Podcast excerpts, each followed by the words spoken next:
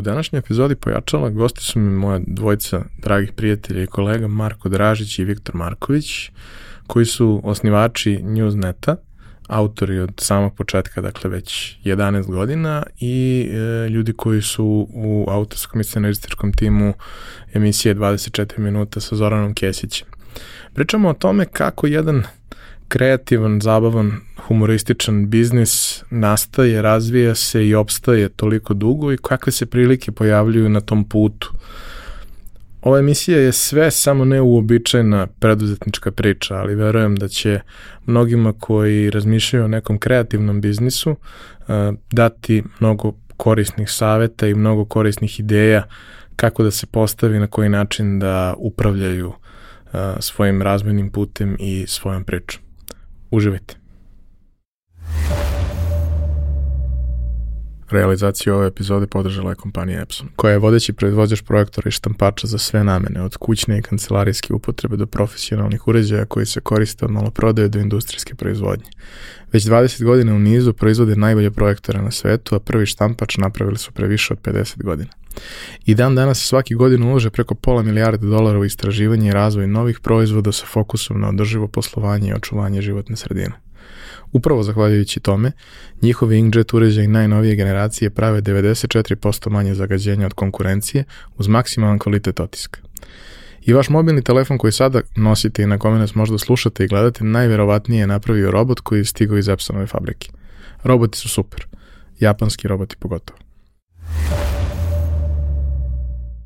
Za slučaj da želite da nas podržite vi individualno, uh, možete da posetite link u opisu podcasta na platformi Buy Me A Coffee i tu možete kupiti mesečnu pretplatu ili jednokratno donirati neki jednost koji želite. Hvala vam unapred na tome.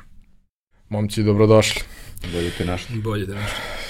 Sad, u, u, u ovoj celoj uh, pripremi koju smo imali, sve vreme smo se vrteli oko toga a šta vi da pričate ljudima, kako vi da ih posavetujete o biznisu kad vi o tome ništa ne znate.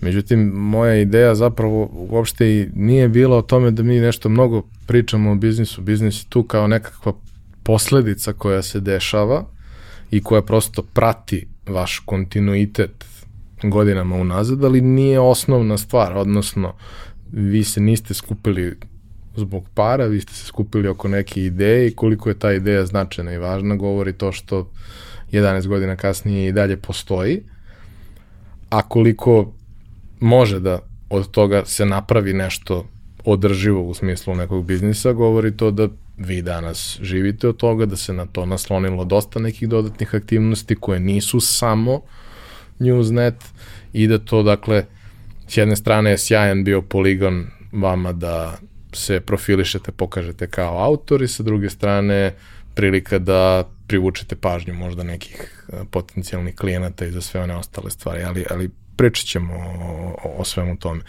Um, ono što bih ja voleo uh, da, da vas pitam, kao što pitam i sve svoje goste, šta ste teli da budete kad porastete? Ajde, Viktor. Ja, ja, ja nemam baš pravi neki odgovor na, na to pitanje. Sad kad pokušavam da se setim šta sam hteo da budem kad porastem, ja mislim da u, nikad nisam razmišljao o tome dok sam bio mali, što jeste jako čudno. Većina ljudi ima neki kao snove kad su klinci i tako to, ja sam samo nekako uživao u trenutku, jel, dok, dok sam bio dete. ne znam, nisam razmišljao uopšte o budućnosti. Uh, kasnije me to malo nekako povuklo ka tim, uh, da kažem, tehnologijama koje su novim, koje su se pojavile tom nekom, tim nekim stvarima koje se dešavaju na internetu i uh, digitalnim tehnologijama i uvek sam voleo da pratim šta, šta se dešava i u svetu tehnologije i svega i tu me je nešto kao po prvi put, da se, ali tad sam već imao, nisam bio dete, tad sam imao 30. 30 godina, da, tako da pre toga, pre toga teško da sam nešto, nešto razmišljao. Imao sam uvek ovako neki afinitet prema uh, jezicima i bio sam talentovan za to, tako da, eto, tako sam onda i sa faksom krenuo ka, ka, ka jezicima, ka filološkom fakultetu, a posle toga se ovo sve nekako to novinarstvo, ne mogu kaži baš kao da sam želeo da budem novinar, ali me jeste privlačilo neka vrsta izveštavanja, iako možda nisam bio svestan e, toga, imao sam neke blogove, neke turističke vodiče za za strance, to me je onako kao, ali, ali ne kad sam bio klinac, znači tad sam već bio ono, mator konj. Sećam se da si ti u tom nekom periodu pre 15 godina imao možda prve malo ozbiljnije sadržaje o Beogradu na engleskom upravo okrenute ka strancima. Da, da. Ove, ovaj, ono što, što isto znam, a ne znam koliko ljudi znaju, da si jedno vreme, uh, pored ostalih stvari koje si radio, držao časove norveškog. Da, pa to je nakon filološkog e, došlo nekako prirodno, jer upisao sam skandinavske jezike, završio norveški i, i posle toga držao časove norveškog, ali ne mogu da kažem da je to neki, kako bih rekao, ono, um, san koji sam sam osmislio i kao krenuo tuda, to je nekako prirodno došlo jer sam radio u porodičnoj firmi. Ovaj, porodična firma škola norveškog jezika, koja i dalje postoji, ako neko hoće da uči norveški, nek mi se javi. Se ispiše telefon. Ovdje. Da, da, da. ovaj, e, tako da može, može i to da se kaže, eto kao je, i jedan od prvih e, poslova, ali ne mogu da ga, ne mogu da nazovem sebe velikim preduzetnikom zbog toga baš. Da, ti si više jedan od onih kome se desilo usput da, nešto da. što je to ovaj, bilo. Radiću, tvoja uh, priča. Tek se meni to desilo tako usput. Da si me pitao kad si imao 12, 13, 15 godina šta želim budem kad porastem, rekao bih ti da želim da budem pisac, jel da želim da se bavim pisanjem na ovaj ili onaj način. Uh, Ali kako je vreme odmicalo, ta želja malo bledela, malo je to negde sam potiskivao i onda sam došao u situaciju da sa 25-6 godina da me pitaš šta želim, čim želim da se bavim, ja uopšte ne bih znao šta da ti kažem. Tad sam studirao istoriju umetnosti i kao i svi ljudi koji studiraju bilo šta na filozofskom fakultetu, imao sam tu paniku šta kad završim, šta posle, čime posle se bavim, pa onda mnogi upisuju neke mastere, neke doktorate, pogotovo sa istorije umetnosti i tih nekih takvih smerova koji ne mogu baš da se najbolje posle naplate. Tako da sam ja negde u sred tog, kad sam se približavao kraju fakulteta, potpuno nijotkuda upao u novinarstvo i to se desilo potpuno onako kao da postoje neke uh, kao da svako u životu ima jednu, dve, tri situacije kad se nešto desi potpuno neplanirano i sad neko bi možda rekao sudbine ili šta već, kako već možemo to da objasnimo. Ja sam e, pred kraj fakulteta za neki to je bio neki, uh, Klan Ruri imao neki uh, magazin, Rush se zvao, to je išlo PDF u jednom od mesec, dva dana, ne znam da li si to možda imao priliku da vidiš, to je bila neka 2009. godina recimo i tu su bili razni tekstovi o pop kulturi, o filmovima, knjigama, sportu, muzici. Ja sam tu počeo kao da pišem nešto iz čistog hobija, kao ajde nisam pisao 10 godina ništa. I onda sam napisao, čak nisam ih hteo da pišem o sportu, ja sam hteo da pišem o muzici i o filmovima. I tad se e, e, Srbija kvalifikovala na svetsko prvenstvo u futbalu i kaže mi tadašnji drugar urednik, kao falim tekst e, o tome, niko to nije napisao i bedak je da izađe broja, da nema ništa o tome, jer kažem, ajde, kao pratim sport, nisam neki fanatik, ali napisat ću ja nešto I uh, u tom trenutku Blic, sportska rubrika Blica, gde je uh, Pavle, koga tako znaš, uh, Pavle uh, Zlatić, koga sigurno poznaješ, on je ta tražio pojačanje za spoj, svoju sportsku ekipu, a on je baš pratio i klan Rur i taj Raš i onda je on pitao, ajde ova dva, tri momka ko, uh, koji su nekim prošlim brojima pisali da dođu kao na probni razgovor uh, da budu novinari u Blicu i to je meni bilo potpuno onako, nisam nikad, ali bukvalno nikad mi nije palo na pamet da bih želao da budem novinar i kao dobim poziv da dođem u Blic kao da se oprobam u tome i rekao ajde, nemam posao, privodim kraju fakultet, nemam pojma kada ću ga završiti, da ću posle imati ikakav posao u struci. I eto tako sam potpuno onako slučajno i neplanirano upao u svet novinarstva, koji je imao jednu posledicu da zbog toga nisam na kraju nikad završio fakultet, da sam počeo odmah da radim onako kako su blicu te smene bile i neke noćne smene i šta je to već bilo dalje, ali dobra strana svega toga je što sam tu ispeko zanat i što mi je taj zanat kasnije kad se pojavio njuz nakon godinu, godinu i po dana, mnogo znači, jer mislim da ne bih ni upalo ovakve tekstove pisao, pogotovo i te prve tekstove, da nisam imao tu neku školu, nazovi u blicu.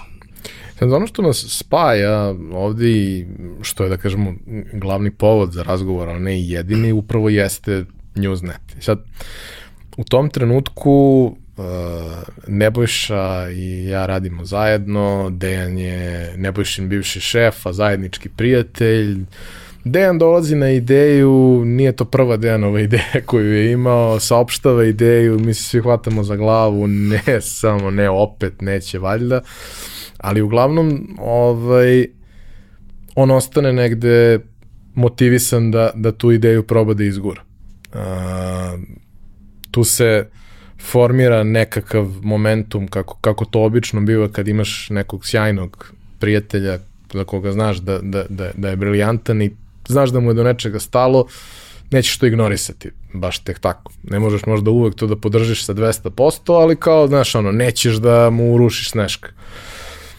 I oni osmisle to otprilike, bude ta čuvena priča kako je ovaj Nebojša na gibanicu mm -hmm. smuvan da nacrta prvi logo i sve to i to nešto se kao desi i sad u tom trenutku kao tržište kao tržište oglašavanja i svega toga ovde postoji, ali vrlo je to sve rudimentarno, imaš par velikih igrača koji mogu da prihoduju na neki način od, od, od digitala, ali to su sve i dalje neuporedivo manji iznosi od televizije, printa, možda može da pokrije neku minimalnu redakciju, nešto, ali generalno nema tu sreće. Jasno je da to ide možda u smeru da, da se stvari menjaju, ali znaš, kao pričamo o Srbiji u kojoj ne znaš koliko će vremena proći dok se stvari promene.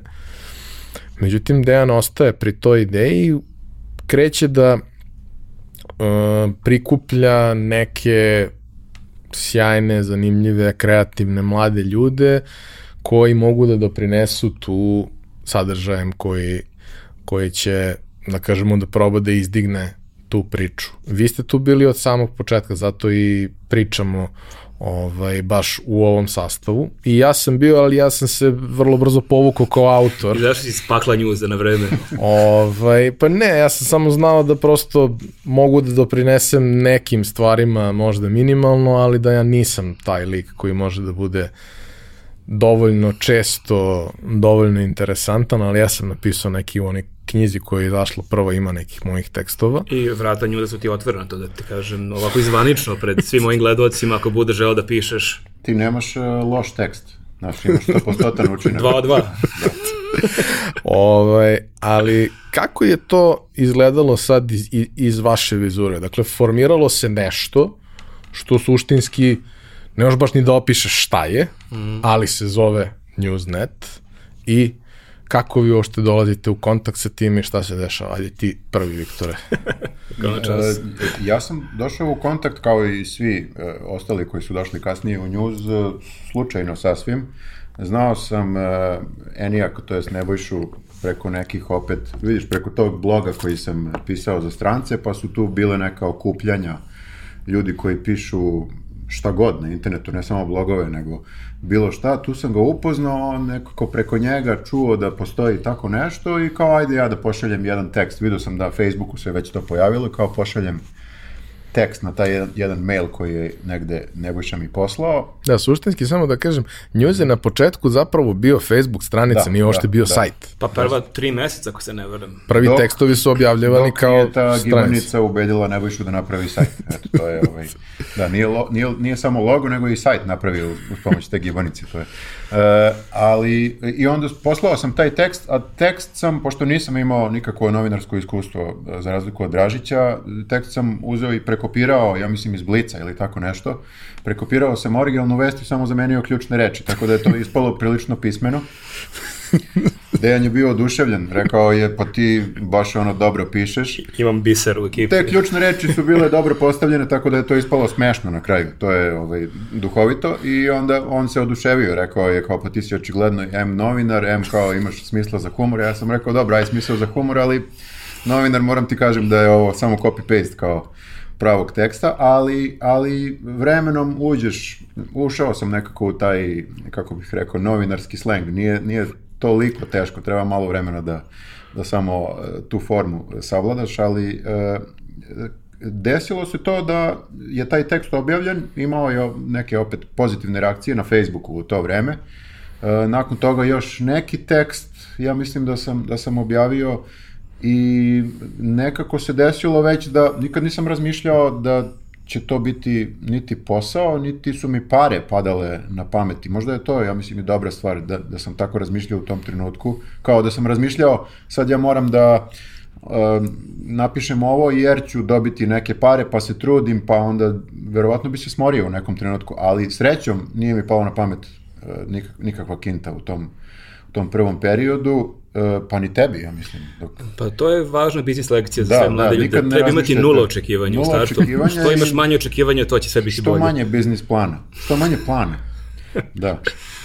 Čovjek tri godine pravi ovaj podcast da nauči ljude kako da naprave... Pa Ne, ali ja se dosta savjet. bavim time da, da, da ono, iskontrolišeš svoje očekivanja i da ona budu u skladu sa realnošću, jer kao mi baš imamo problem sa tim ovde. Tad, tad, su, tad su nam bili, uh, umesto para, uh, plata su nam bili ti lajkovi, meni barem je bilo super da gledam kao koliko ljudi Ali čita to to, je- i ali- koliko ljudi šeruje i... To je i dan danas meni, kad, tako se i mi razmazimo, pa kao neki tekst je kao slabije prošao, ima 900 lajkova, kao to je 900 ljudi, kao, i, i ja sećam moj prvi tekst koji je pre, premašio tu cifru od 1000 lajkova, meni je to bilo nadrealno, znači to nije, nemo kažem nema para koje bi mogle to da plate, realno ima, ali recimo ti, taj novac koji bi mogao da bude neki honorar za ili manji veći honorar koji ja tad nisam dobio, taj novac je nebitan kad ti shvatiš da tvoj treći, četvrti tekst koji si napisao u životu za njuz ima, ne znam, hiljadu i po lajkova i ti kao zamisliš, to je ono, cijela jedna tribina u Hali Pionir, mislim, nekako, to je baš onako dosta ljudi kad vizualizuješ, ali da, zanimljivo, mislim, cijela ta priča o njuzu, ja, e, recimo jedno od o, zanimljivih e, momenata je da e, mi se nismo poznavali, to jest Viktor i ja smo se jedini poznavali i danas kad imaš tu ekipu nas šestoro koji smo u redakciji i još šestoro, sedmoro, osmoro ljudi koji povremeno pišu za njuz,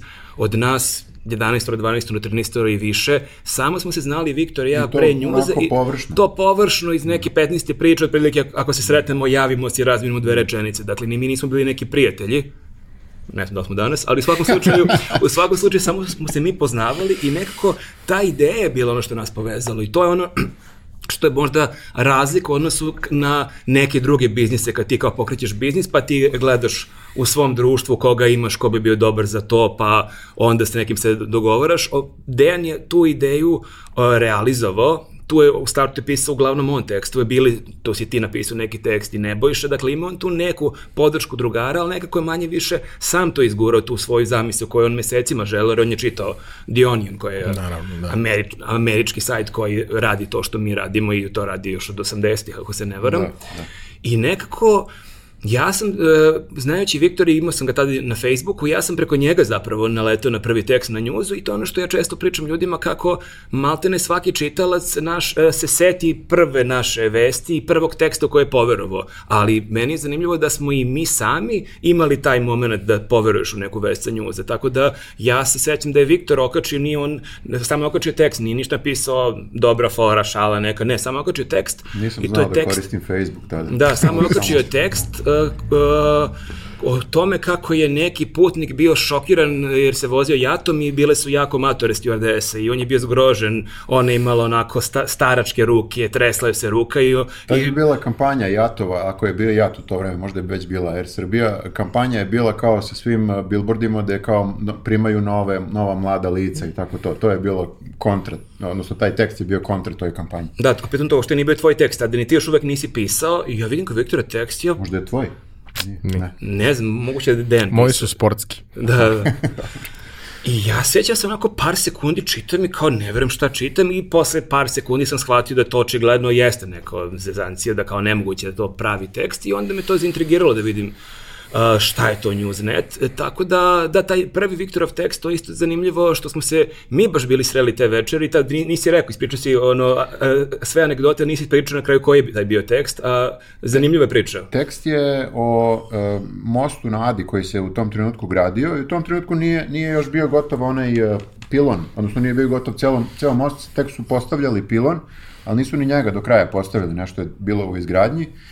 Sedeli smo na, na brodiću, ako se ne varam, i gledali kako se to jeli, uh, gradi i onda je neko rekao, nije moja ideja za tekst, e, ukrao sam nečiju ideju, ne mogu setim ko je to bio, ovaj, da bi možda bilo dobro uh, ako bi umesto pilona koji bi išao sve vreme na gore stavili jednu popreko uh, uh, prečagu, jel? poprečni pilon da se napravi krst. Jer u to vreme su bili oni krst u, u Kragujevcu, tada da je bio Yes. postavljen, pa je bila Da priča se će i biti u Beograd Nišu. takmiči u veličini krsta.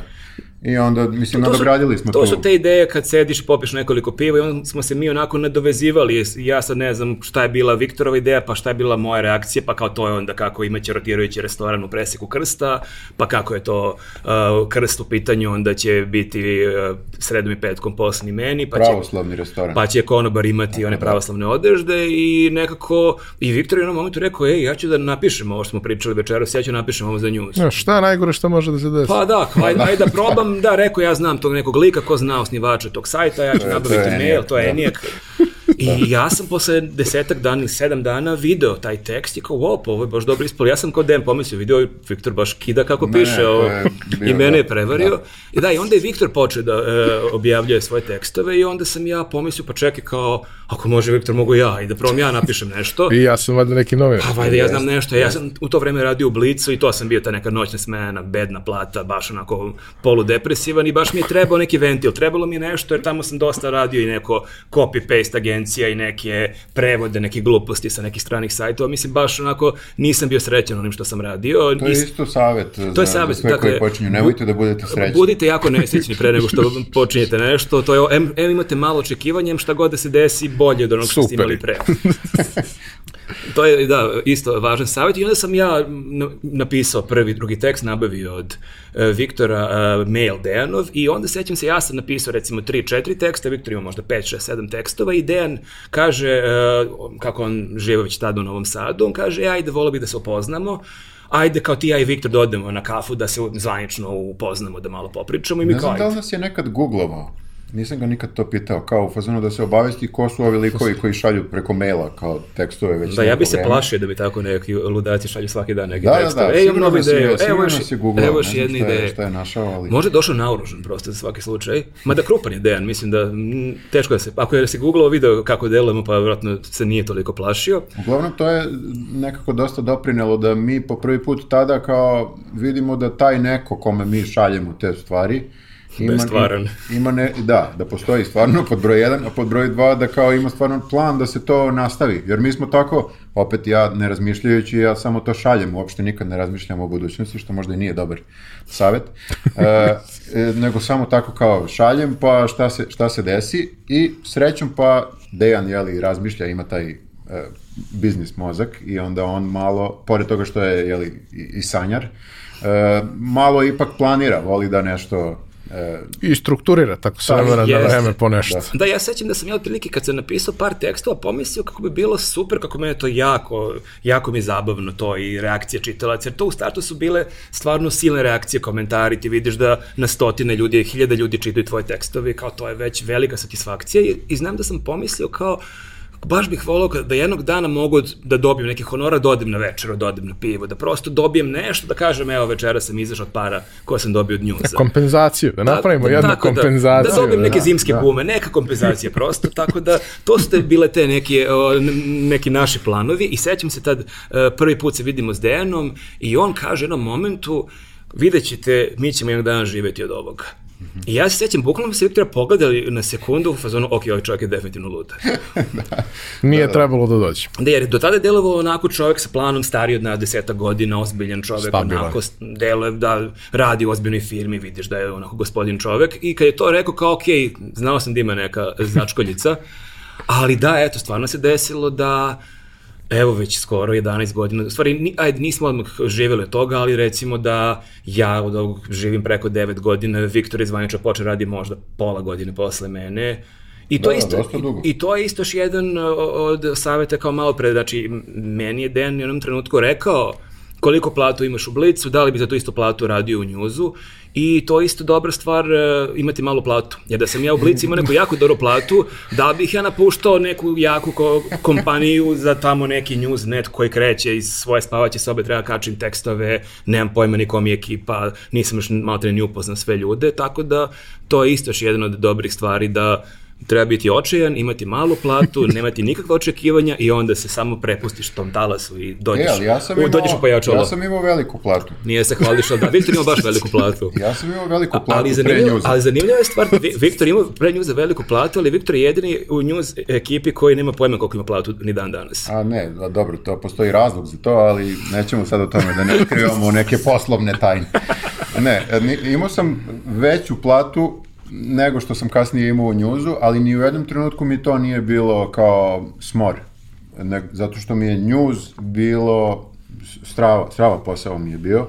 E, nekako u odnosu na predavanje norveškog, koji isto nije težak posao, ali onako nije baš kreativan, kako da kažem. I ako ga dobro radiš, kao što sam ga ja radio u to vreme, možeš stvarno da dobro zarađuješ od toga. I ja, dan, bilo je i dosta, danas. bilo je dosta upita u tom periodu, baš je I bilo jest, atraktivno. Jest, da, da. I, uh, ali, posle nekog vremena, jeli, to malo je repetitivno, malo se zasitiš, ovo s druge strane kao jeste duplo manje je plaćeno, ali je zato kako bih rekao... Ovo, nije repetitivno sigurno. Nije uopšte repetitivno i plus ti nekako vidiš ti da može od toga da se pravi da bude još mnogo veća stvar i nekako ti je zanimljivo da probaš od toga da napraviš još veću stvar. I tad smo možda nekad počeli da razmišljamo šta sve ovo može mm. da, da bude. Tad kad smo počeli da dobijamo te prve plate, koje koliko god da su bile male, a opet i nekako pokažu da može, u smislu kao da postoji nešto, da postoji zainteresovanost ljudi dovoljno da kao plate za, za, za reklamu na, na sajtu. To je... U, u tom trenutku kada je sve počinjalo, dakle, priča je bila bazirana isključivo na Facebooku sa nekim člancima i sličicama koje su ih pratile. Nekad su to bilo obične fotke, nekad je to bilo malo montaža, ilustracija, nešto što bi na pravi način ispratilo te vesti, ali, ali suštinski krenule potpuno organski kao jedna social priča i to je bilo neko vreme u kome društvene mreže su zapravo tu neku vrstu s jedne strane autorskog, sa druge strane vrlo zanimljivog humorističnog sadržaja, jako nagrađivale vidljivošću i Drugačije to je bilo vreme kada si ti mogao zapravo da dođeš do velike vidljivosti mm. brzo ako praviš u kontinuitetu zanimljiv sadržaj. Da, tad je bila fora što je bilo malo ljudi na, na relativno malo ljudi u odnosu na danas na društvenim mrežama, ali nekako kao ako nakačiš nešto zanimljivo, svi to vide, svi 100% od, od tog malog broja ljudi, a danas je to, ja mislim, ne znam koliko puta više ljudi je i na fejsu i svuda, ali je zato toliko teško da bilo ko to vidi.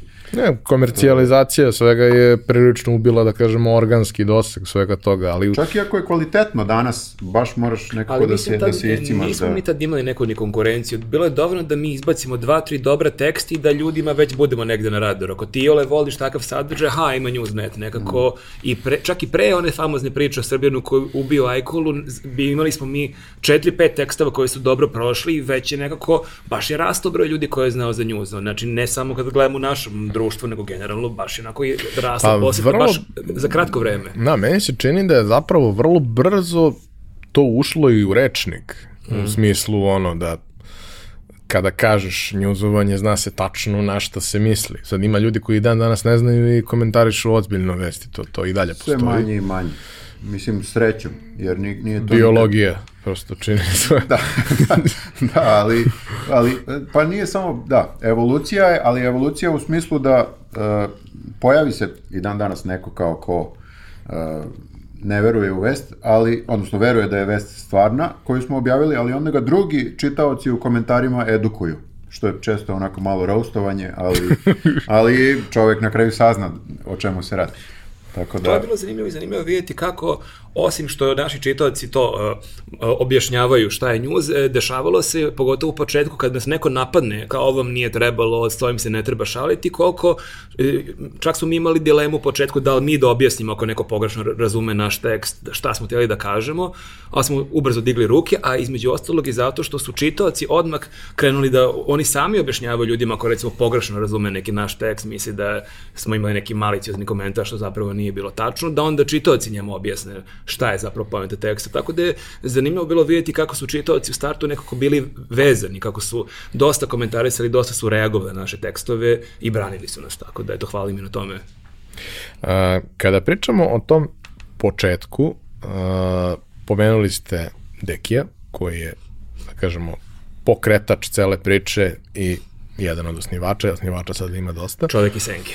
Ko su bili ključni ljudi u startu ovaj, u tih prvih nekoliko meseci i godina kada je to bio samo volonterski effort ali je i dalje da bi opstao zahtevao nekakav kontinuirani rad i nekakvu organizaciju. Pa, meni je zanimljivo da je Dejan, kad je pokrenut sajt, on je odmah stavio neki baner, otprilike ako želiš da pišeš za news, pošalji tekst na ovaj mail. I da, Jenijak je iz nekog razloga stavio Michael Jacksona na taj baner. Ne znam ni dan danas zašto.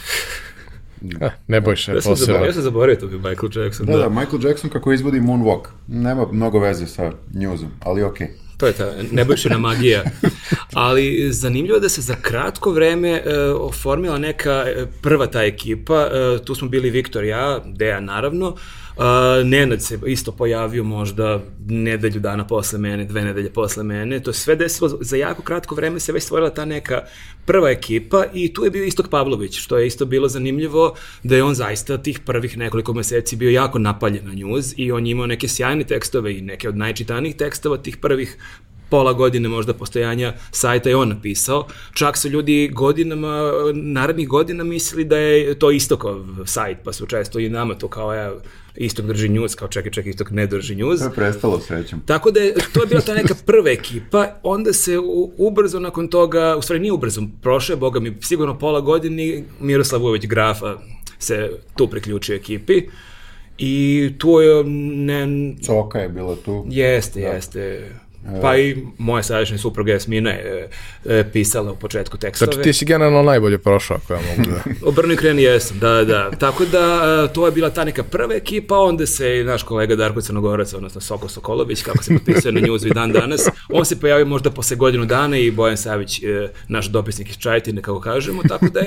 Bojan Ljubenović, Uroš Bogdanović, znači to su opet već sve, svi neki ljudi koji se bave humorom neko vreme, ali E, kako bih rekao, su našli u njuzu jedan od e, izvora gde mogu da plasiraju neke svoje... Dopisne članovi. Da, da, dopisne. Da, da, ali zanimljivo stvarno da smo se Viktor, Nenad i ja zaista tu u, u roku od mesec, mesec i po dana smo sva trojica se pojavili, a to kao Nenada nismo ni poznavali, tako da sećam da sam ja Nenada zvanično upoznao bukvalno tri dana pre nego što je napisao svoj taj njuzov najpoznati tekst o Srbinu koji ubio Ajkolu. Tako se sve to nekako jako brzo izdešavalo. A, na šta se meni čini, gledajući to sve sa strane i pratići tu, da kažemo, subkulturu koja je postojala na internetu od kraja 90-ih do danas, da, da ekipa koja je bila okružena, koja je bila oko raznih nekih zanimljivih fanzina iz tog vremena, je, fanzini su lagano umrli, Mm -hmm. Oni nisu imali više output da nešto, da se, da se izraze. Ok, neki su digli blogove i sve, međutim da bi to imalo smisla ti moraš redovno da pišeš, moraš da imaš neku malo veću količinu sadržaja. Ako ćeš da pišeš jedan tekst mesečno, ne, neće to, ne, nećeš imati nikakav mm. efekat od toga, nećeš imati feedback i onda kao, ali jedan tekst mesečno na nečemu što je već vidljivo i smisleno, a ti se skoncentrišeš jedno mesečno pa to bude malo onako bolje nego što bi inače možda bilo, kao to mi deluje kao, kao super fit i mislim da je to možda jedan od ono, razloga zašto se tako sjajna ekipa ljudi vrlo brzo okupila na jednom mestu. Posebno što ti tu vrstu humora kod nas nisi imao neko vreme. Možda je postojala u nekom periodu Istraž, printa. Istraž, da, istraživali ali... smo malo kao baš konkretno taj format lažnih vesti, kao vest koja je napravljena tako da očigledno vidiš da je smešna i duhovita i da ima neku kritiku nečega, ajde, to je isto, isto bitno za, za ovaj, ovo što radimo. Uh, nis, nismo našli mnogo, našli smo u nekim prastarim novinama, sad sam ih zaboravio kako se zvalo, da li je to bio podlist, možda baš politike ili tako nečega, ali tipa ono u među, međuratnom periodu. Tako da... da bile, pa meni kum dao neki novogodišnji dodatak politike iz 60. i neke godine, imali su e, nekoliko tih tad, kao da. lažnih vesti. Da, Dobro, da. Pavlić je osjeća imao nekoliko svojih eksperimenata početkom 2000-ih, da. ali da, mislim da postojala neka, neki humor, neka satira, ali mislim taj format lažnih vesti, to je bilo nešto što ljudi nisu navikli, nisu očekivali i onda je to bilo dodatno zanimljivo. Em što je kao zabavno i smešno, em što je u početku bilo jako zabavno čitocima da vidi, da vide ko će da poveruju te vesti, tako da je to bilo negde dupli žitak otprilike pratiti. A čak nisu ni, uh, nije ni svako od nas, ja mislim, pre toga nešto pratio Onion, niti je, ne znam, niti je možda ni čuo za Onion. Ja sam čuo za Onion, bukvalno, kad sam s tobom išao sa poznam s Dejanom, tad si ti spomenuo, E, kao, eto, ha, ovo ću da zabeležim. Ja sam čuo i na- znao sam neke članke, one sad legendarne, ne, ne znam, imali su, ne, negde su i nas pominjali tamo. Dejan je naravno znao, znao za Onion, to mu je i bila inspiracija, ali nije nam ni, ni to svima bilo kao u fazonu, sad ćemo mi da napravimo uh, srpsku verziju Oniona, zato što kao mnogi ljudi nisu ni, ni znali za Onion nego samo, uh, baš iz njuza, nego samo, su, samo im se svideo taj format. Ne verujem, da, nismo ni razmišljali nešto super. da li je to super, postojalo kad ranije sam ili... par puta čuo da ljudi kao objašnjavaju šta je Onion i kao da to je američki news. Kao, mislim, mislim da je ipak obrnuto, ali, ali hvala na tome.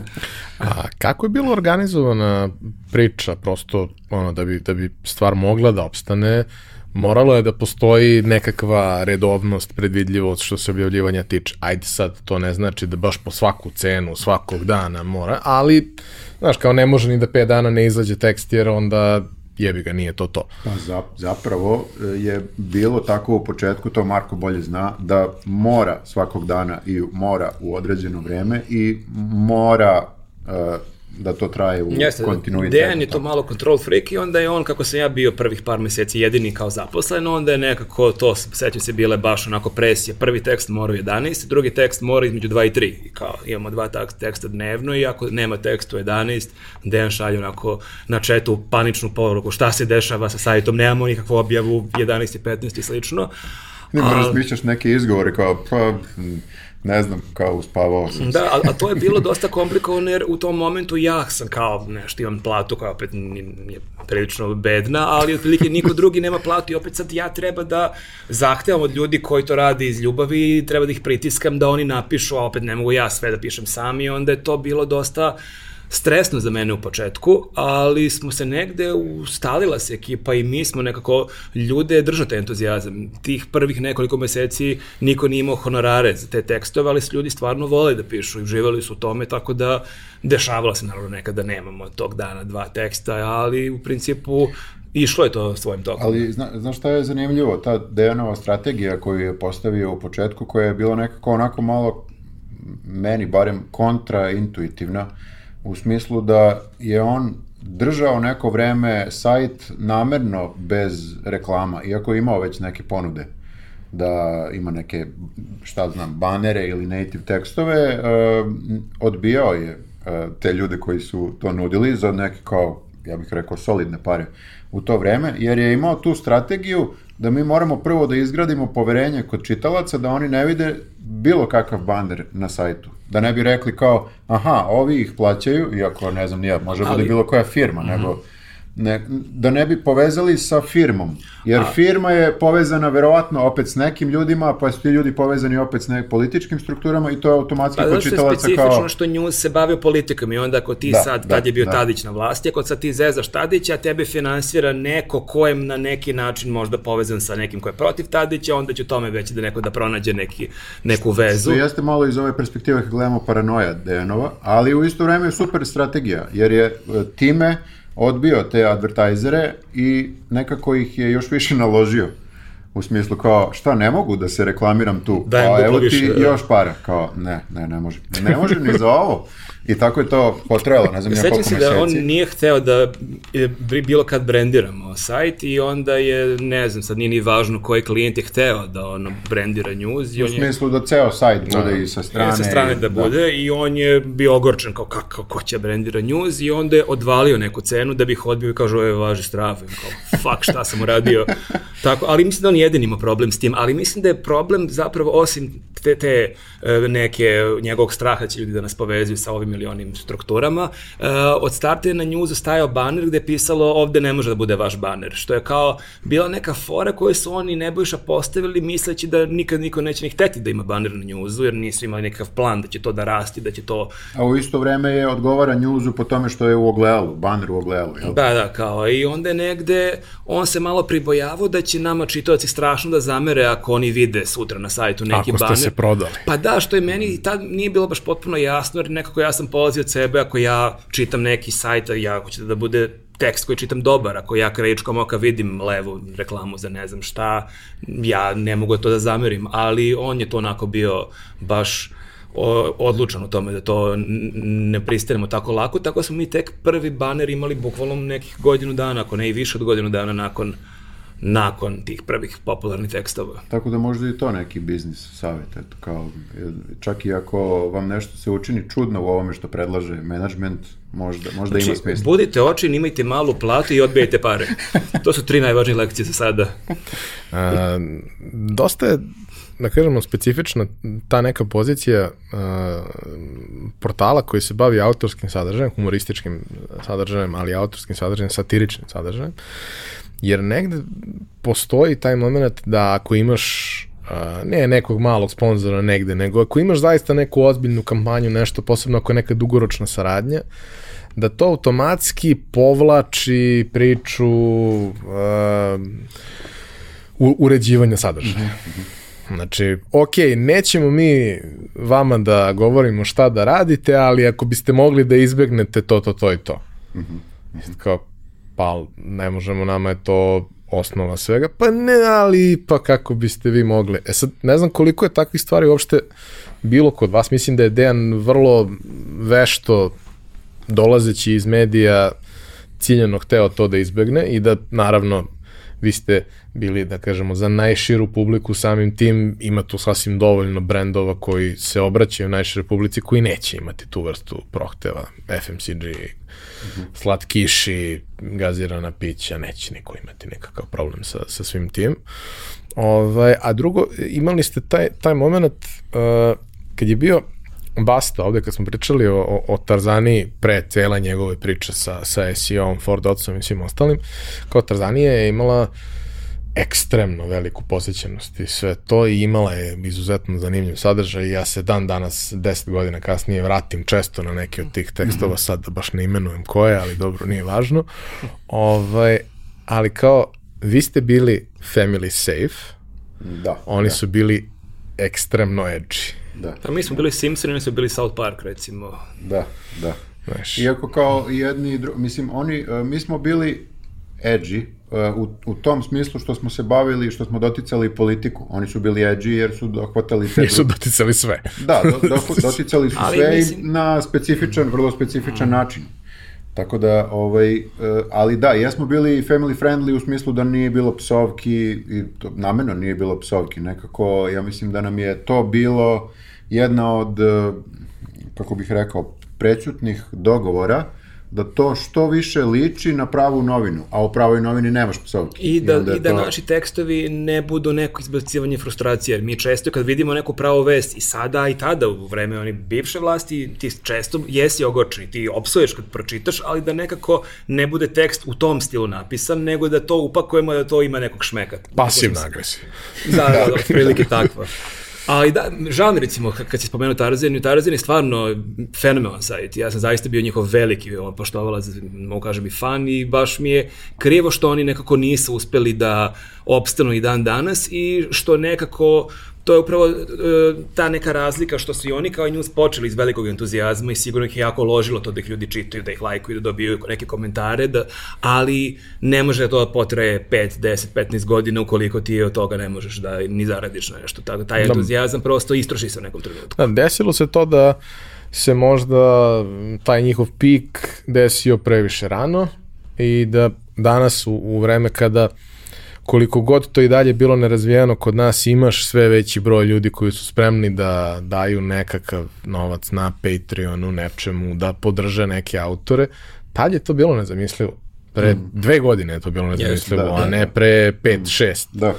Da je bilo drugačije, vrlo verovatno da bi opstalo u nekom obliku. Pa, Menjali bi se ljudi prosto, znaš, da, da. i prolazi vreme, ljudima se menjaju teme u životu, kad imaš 25 pišeš o nečemu, kad imaš 35 imaš decu i ne pišeš ničemu. Ne samo ljudi, menjaju se i brendovi. I, u tome, i, i to je isto, mi smo imali isto problema sa, mislim problema, e, imali smo neki put problema da e, brendovima objasnimo da je tekst koji smo mi zamislili, koji smo mi napisali, a koji su nam oni kao tražili, ne bi trebalo da se menja, jer kao mi do sada znamo iz svog ovog iskustva koje imamo, da će ovo dobro proći i brendovi koji se jednostavno plaše humora, mislim ne, ne, ne humora, nego plaše se da će to nešto da krene po zlu.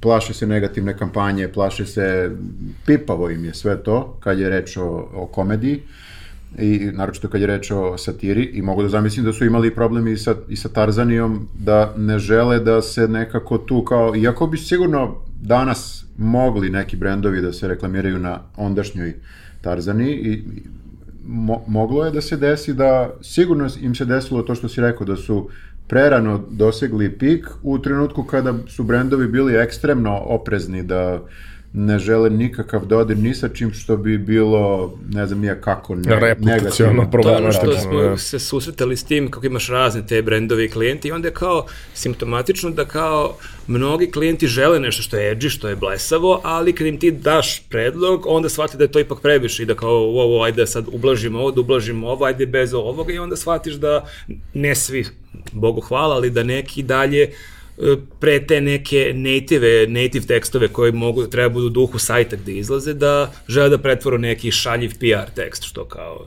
nema, Što nema ni, poenta. nikog ne zanima. Apsolutno nikog ne zanima. A, glavni, da kažemo, izvor a, finansiranja u tom nekom startu su bile, kad, kada je Dejan odlučio da digne rampu, a, su bile saradnje sa, da kažemo, advertajzerima i upravo taj autorski sadržaj koji kasnije smo svi nazvali native, ali tad još niko nije znao da se to zove tako. Niko. A koji je suštinski podrazumevao da ti kao brand dođeš, predstaviš šta ti je cilj i onda kreativni tim osmisli nešto što će se dobro fitovati sa uređivačkom politikom, da. sadržajem, publikom i svim ostalim i preneti tvoju po, poruku ka toj publici. Deset godina kasnije, a nije baš deset, ali jedno osam godina kasnije, mi i dalje pričamo o tome da kao ako angažuješ influencera, ako angažuješ content kreatora, ako angažuješ bilo koga, jebote daj mu poverenje, pusti ga da on uradi kako to misli da treba, daj mu neke smernice, nemoj baš da ga pustiš potpuno da ne zna šta radi, ali kao daj mu neke smernice, ali pusti ga jer on zna najbolje svoju publiku kako da je predstavlja. Ako si ti procenio da ti ta publika treba, pusti njega, on zna kako to treba da uradi ili, ili nju. A, kako je to u vašem slučaju izgledalo, pošto pričamo o periodu pre interneta, što ja volim da kažem. Kad je po tebi internet došao u Srbiju? Ono, Pa, e, Kad je torbica dobila internet u Srbiji? Ključni trenutak e, se desio ovaj, kad je Severina A, pa to je, čekaj, već neka... To je- Ve- to 2004. neka recimo. pet, Da. Pošto ja merim vreme pre i posle. Jun, da- peti. Oko podne već.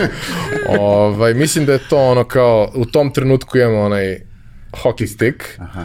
ovaj, a da kažemo 2010. 11. je mainstream potpuni Mhm. gde, gde to postane najšire dostupno, ne na nivou na kom je danas, jer tad je postalo mainstream dostupno ljudima na računarima i svemu tome, sad je dostupno To je, to je jako zanimljivo, recimo, baš, e, e, samo se vratim na te prve tekstove, što se izlazi tekst u 11, između 2 i 3, to je samo zato što je, eto, Dejanova procena, ljudi su tad u kolima u autobusu i nemaju internet. Mislim, kad ti shvatiš danas koliko to deluje Danas nadrealno. suprotno. Ljudi Danas- su u kolima u autobusu i ništa Pa, drugo nemaju u da rade. autobusu da, Da. gledaš šta ima na netu, ali da, tad zaista između 4 i 5 nema svrhe objaviti tekst jer niko nije pri internetu. Da, ali i, i bilo je to kao kad se objavljuju, otprilike gađamo kad je pauza na poslu.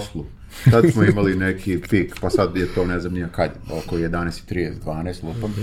E, I tad stvarno kao vidiš neku, neki, neki porast e, posjete, odnosno tekstovi bolje prođu ako se tada objave. Sad ja mislim da nema to, Pa, tog da. pravila jer da ljudi- generalno niko ništa ne... pa niko ništa ne reći na poslu. Svi su na jel? netu i ovako Da. onako. Tako da, ali da, što se, što se brendova tiče, ovo što si pitao, pa e, da, ima, imali smo naravno i mi isto taj problem da, kao što rekao, da objasnimo brendovima da je možda bolje da nas puste da mi sami kao nekako e, uspemo da obradimo taj njihov proizvod u tekstu onako kako mi mislimo da, da treba. I jesmo imali, e, Dejan je postavio to ok u početku da imamo tu uređivačku politiku da je naša poslednja otprilike što se tiče tona teksta, što se tiče e, samog naslova i tako dalje. E, naravno kao e, ovi klijenti e, pogledaju to i u većini slučajeva odobre. Nismo imali nekad neke mnogo velike kao prohteve da je neko rekao ja odustajem od ovoga, ja se barem ne, Pa, ne sjećam. uglavnom nije, da, Da. da. I to je u startu dobro prolazilo. Jedan od prvih tekstova tog tipa je bio jedno energetsko piće, gde čak klijenti, to isto e, zavisi, neki klijenti insistiraju da u naslovu spomeneš njihov brand, neki ne insistiraju i često je bolje da ti baš ne spomeneš sam brand u naslovu, nego da ga malo diskretnije provučeš kroz tekst. I jedan od tih prvih tekstova je bio da je student spremio tri ispita više u ispitom roku jer je pio energetsko piće. Čak nije bilo spomenuto koje piće u pitanju, ali bio baner tog pića, pa je bilo dok čitaš tekst negde jasno. I ja sam isto negde u početku, to i svima nama je to bilo novo, je zaista mislim, sad nije da se hvalimo stvarno, mislim da u Srbiji u tom trenutku nije mnogo sajtova to radilo na taj način. I ja sam se isto malo možda pribojavao kako će čitaoci reagovati, ali su reakcije stvarno bile sjajne, jer bitno je samo da to bude u duhu njuza, da ti dođeš da pročitaš na news.net neki zanimljiv tekst i ako je taj zanimljiv tekst o pivu ili energetskom piću ili nekom keksu, ako je to i dalje nije nešto slabije od ostalih naših tekstova, ti nećeš imati problem s tim. Zna- Znaš da jedino imamo problem, klijenti ne vole uh, političke teme, a na, a na njuzu je nekako navikli smo i dobri smo u tome da napravimo zapravo najbolje teme koje napravimo, najbolje vesti koje napravimo su političke. I sad tu je kao uvek moraš da uh, nekako izbegneš politiku ili bilo, bilo kakvu političku konotaciju ako, ako se radi o, o, o native danas. Nekad smo imali, čak to je zanimljivo, vidiš, možda su po tom pitanju bili hrabriji klijenti pre, kao nisu imali ništa protiv da bude i neka, neka politička vest gde bi se pomenuo njihov proizvod. Danas ja mislim da... Da, nama je jedan od najuspešnijih nativa bio uh, Red Bull ima oni takmičenje se Flufca, kako se zove, Fluftag. Fluftag, ja. Fluftag, nikad ne znam kako se tačno kaže. I hteli su da imamo tekst na njuzu koje će da promoviše tu akciju i mi smo, tad je bila situacija da je avion vlade Srbije jedan put, dva put je nešto prinudno morao da sleti i onda smo imali tekst da je vlada Srbije poslala svoj avion na to takmičenje Red Bullovo što danas mi baš deluje onako, nisam siguran da bi mnogi brendovi hteli da imamo neki plaćen tekst da spomenju vladu Srbije. Nekad Doduše, smo, nekad smo baš bili edgy i mi i I klijenti. cool, baš ste mi bili klijenti, pa možda i stanje u društvu bilo nekako opuštenije Ne ipak sa možda. svoje distanci kad gledaš, ali da, to je recimo super prošlo, je to bilo onako jedan kroz jedan u duhu njuza i taj tekst bi, možda, možda bismo mi takav tekst objavili i da nas nije kontaktirao sponsor, prosto dobra je fora. E, kada je u pitanju e, čuveni Nenadov tekst koji je podigao celu priču na još jedan nivo, ovaj, e, bilo bi najbolje da je on to ispričal, pošto ste vas dvojica tu. a To ti je što ti, kako ti nije, pogreši čovek. Ovaj, e, mnogi od nas smo tad to pratili, znali, videli šta se dešavalo, ali ko nije, ko se ne seća ili ne zna celu priču, hajde probajte da, da ispričate ukratko šta se tu sve dešavalo. Nikad se niko nije pitao. Uh, pa, uh, to je zaista nevjerojatna priča. Dakle, uh, evo, što kraće moguće, uh, ti me ubrzi ako vidiš da pričam Aha. previše nekih digresija ako imam. Stvarno je postojala Aj- Ajkola ili Ajkole u Egiptu, zaista je bila prava vez da je Ajkola napadala turiste. I Nenad je napisao tekst da je pijeni Srbin, išla su dva pijena Srbina i ovaj jedan je rekao drži mi pivo i skočio je sa litice, koji inače ne postoje u Šarmel šejku, nema litica. Skočio je sa fiktivne litice i pao je pravo na Ajkulu i usmrtio je. I to je kao simpatičan bio tekst, I to postao je heroj. postoje heroj. I to je bilo onako, i što je zanimljivo, taj tekst e, nisu preneli domaći mediji. Mi smo imali dva, tri, četiri teksta pre toga koje su prenosili razni domaći portali. Taj tekst Greškom. misleći da je pravi tekst. Da, ovaj tekst nije se niko upecao u Srbiji, ali su se upecali u regionu, u Bosni, u Hrvatskoj, u Makedoniji i Makedonska, njihov tanjuk, znači njihova novinska agencija, je to prevela na engleski. Izmenila neke detalje, ali e, nisu A napisali niko ne zna zašto je. Dan, dan danas nemamo pojma zašto. Mislim, to nije, kako bih rekao, vest od nacionalnog značaja za makedonske građane. Da. Da. Možda njima bio, nije se dešavalo ništa u Makedoniji, šta ima u Srbiji, e vidi šta ima u Srbiji. I oni su dali kao legitimitet tim, jer ti onda imaš taj tekst kao zvanična novinska agencija na engleskom, taj tekst prevodi i to se, ta se desila bukvalna eksplozija da u roku od 2-3 dana taj tekst se pojavljuje maltene na svim kontinentima i naj, najluđi primjer je da je taj fiktivni lik, zove se Dragan Stević, kao svi znamo njegovo ime i prezime koji ne postoji. Dakle, on je proglašen za ličnost godine na jednom australijskom pomorskom blogu. Zato što je spasao sezonu. jel? Pa, I što je na, najbizarnije, e, nakon tog teksta stvarno više Ajkola nije napadalo Egiptu. Nije za, zabeležen jedan napad Ajkole.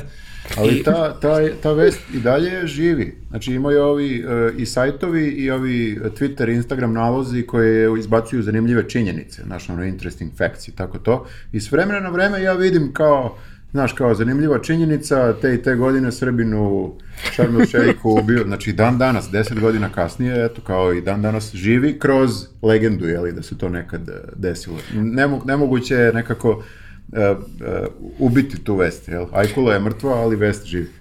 A ko je od najvećih ono, medija, medijskih kuća preneo to? Uh, Ja bih rekao da je možda, ne znam po, cir- Post, po cirkulaciji, nije Washington Post, nego New York Post, koji jeste tabloid, ali imaju veliku e, cirkulaciju. E, ova Kosmolovskaja pravda, da, recimo Ruska. tako nešto zove. i sad ja ne znam, u Kini to sigurno ima veliku cirkulaciju. Pa imamo mi tu, pre- imamo mi tu prezentaciju gdje imamo te logoje raznih e, portala i e, novinskih, a, novina, ali da, ne znam sad napamet tačno, ali da, došla je ta vest i do Južne Amerike i do Azije, mislim, Holandije, razne zemlje su to objavile. Možda su to kao naj, najveći, najveći mediji, ne računajući naravno makedonsku nacionalnu agenciju koja je možda...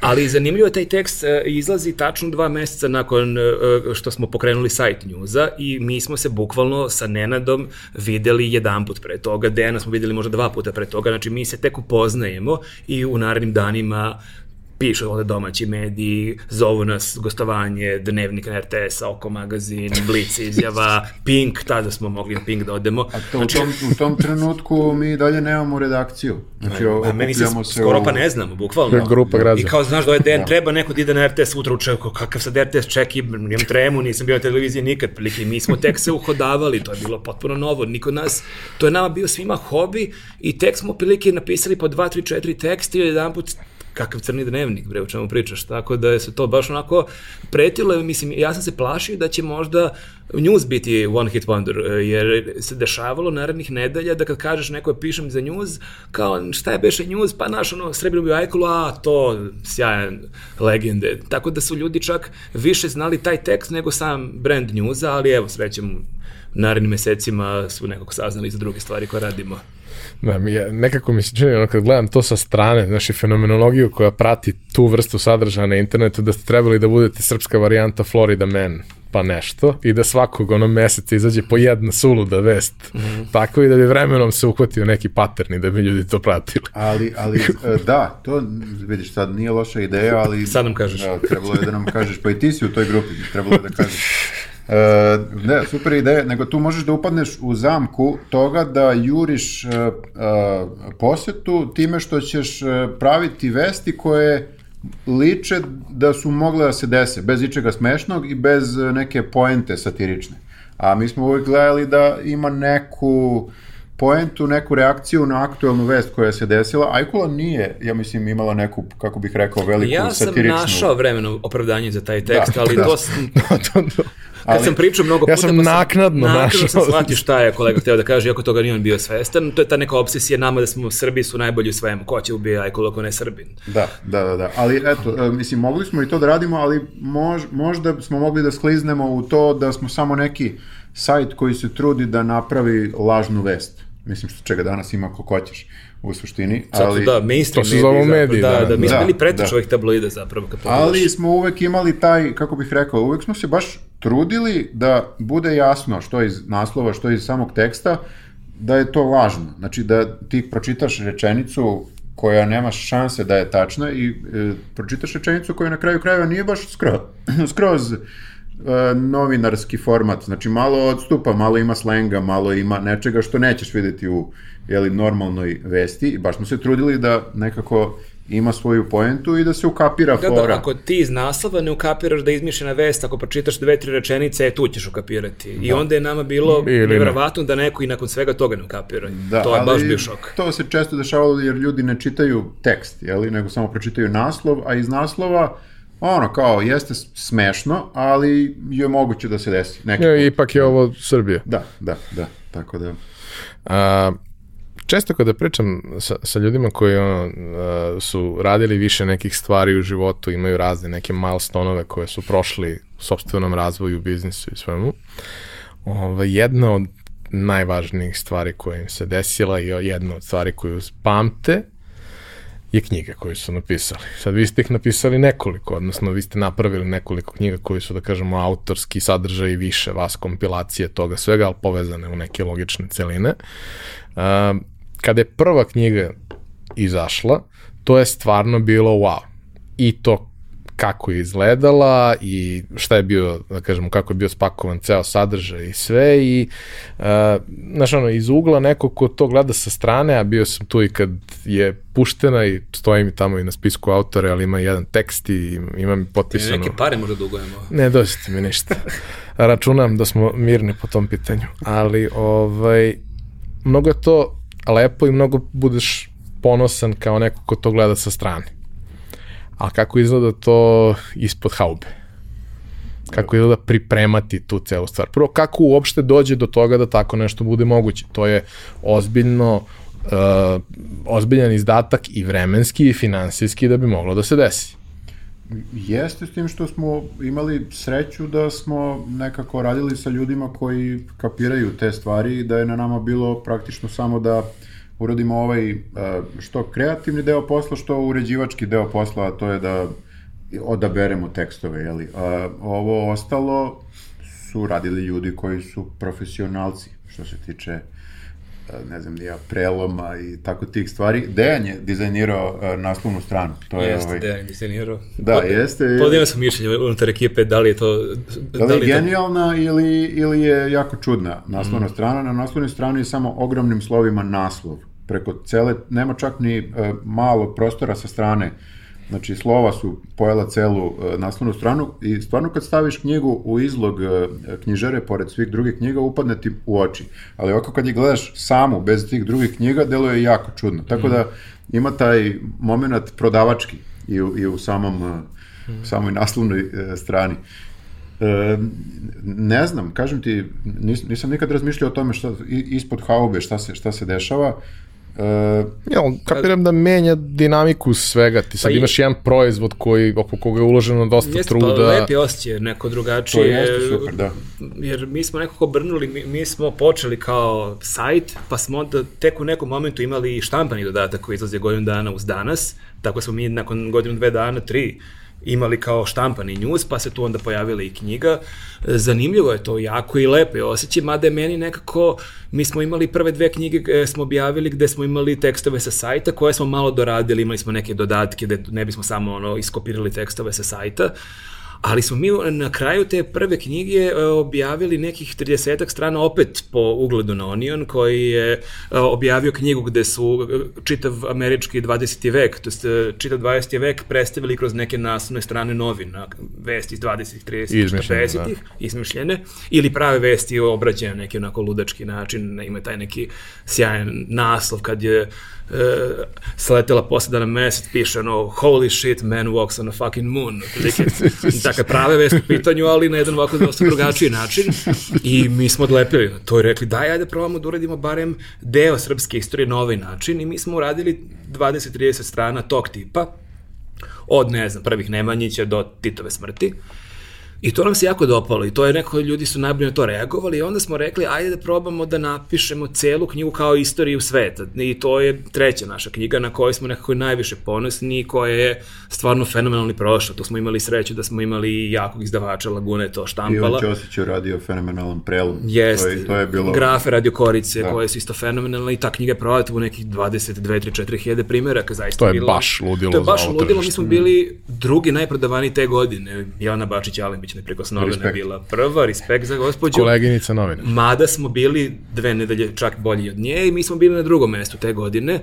Tako da je to je zaista bio onako velik posao, jer smo mi pisali onako smo nabacivali ideje o stari Egipat, Grčka, srednji vek, renesansa, baš je bilo onako gomila tekstova, ja sam kao uređivao tu knjigu i baš sam se namučio i onda je jako bilo teško ti e, nabacaš stotine tekstova i onda je bila ideja da ih stavimo po epohama, da kao ako brađemo 15. vek, da to budu 3-4 vesti iz 15. veka, pa i on sećam sad kao ne možeš sve da bodreš godinu. I sećam se kako to, ova ekipa iz Lagune, koliko su oni posvećeni, koliko su me oduševili, oni su stvarno proveravali svaki detalj. I sad zovu, oni kažu, mi već dali strane, stara Grčka, peća strana, pa Rim, bla, bla, bla. Kaže, ej, izvini, ali kao moram da vam ukažem, kao ove novine iz stare Grčke, na, toj, na istoj strani su vam, ne znam, Platon i ne znam ko, a kao ove je umro 100 godina pre njega, kao da ste vi zapazili taj detalj. Ili je to, ili je to fora. Ili je to fora, kao, na, naravno da je fora, niko nije zapazio, naravno, ali mislim, znaš, kad pišeš takvu knjigu, ne možeš baš da gađaš u godinu. Ti ako da. imaš foru Aleksandru Makedonskom i nekom, ne možeš baš da gledaš da imaš 100 strana iz antičke Grčke, tako da je to ovako bio jedan e, težak posao, stvarno i stresan i jako lep, ali kad je to izašlo, to je ta knjiga je toliko, meni stvarno i dan danas kad je prelistam puno srce, jer stvarno onako, čak uspem i da se nasmejem, ako sam te tekstove prošao ne znam koliko puta i jako mi je drago što su čitavci prepoznali to, što je zaista... Znaš koja je fora sa, sa knjigom? Jer mi od te knjige nismo zaradili bog zna koliko para, jeste bilo nešto, ali u, skladu, u odnosu na trud uložen, znači nije, nije neka lova, ali knjiga je jako bitna i prva i druga i treća, jer nekako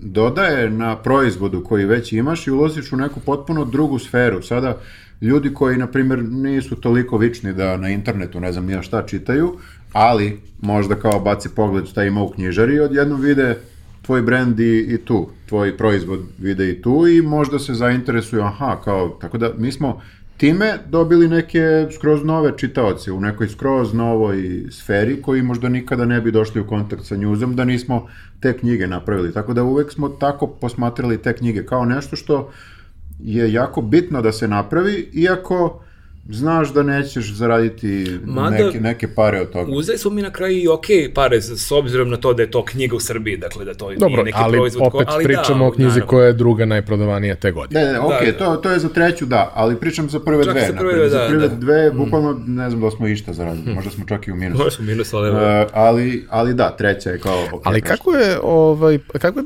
postavka prosto, e, dakle vi imate redovne aktivnosti koje moraju da se dese da bi portal kao portal živeo, da bi ono, Newsnet kao novinski humoristički sajt mogao da opstane, to ima određene set aktivnosti koje podrazumeva i sada na sve to imaš još neke dodatne aktivnosti koje su neophodne da bi se pripremio sadržaj prvo u nekom grubljem obliku za, za, za knjigu, a onda i da se on dovede do, do tog finalnog koji, koji može da ide. Kako uh, Mislim, osim fanatičnog e, pristupa koji, koji se ceni, ovaj, kako uopšte se to dešava, kao dolazi do neke reorganizacije pa, posla? Pa, mora nešto da ispašta. Mislim, i meni je žao što često u tim situacijama sajt malo ispašta, jer mi ako recimo knjigu treba da predamo, ako imamo neki deadline, mi znamo da to moramo da uradimo do narodnog petka, a to na sajtu, ako danas nemamo ni jedan tekst, pa mislim ne, neće propasti sve što i dan danas sam se nekad dešava, mi dan danas nekad nemamo tekst,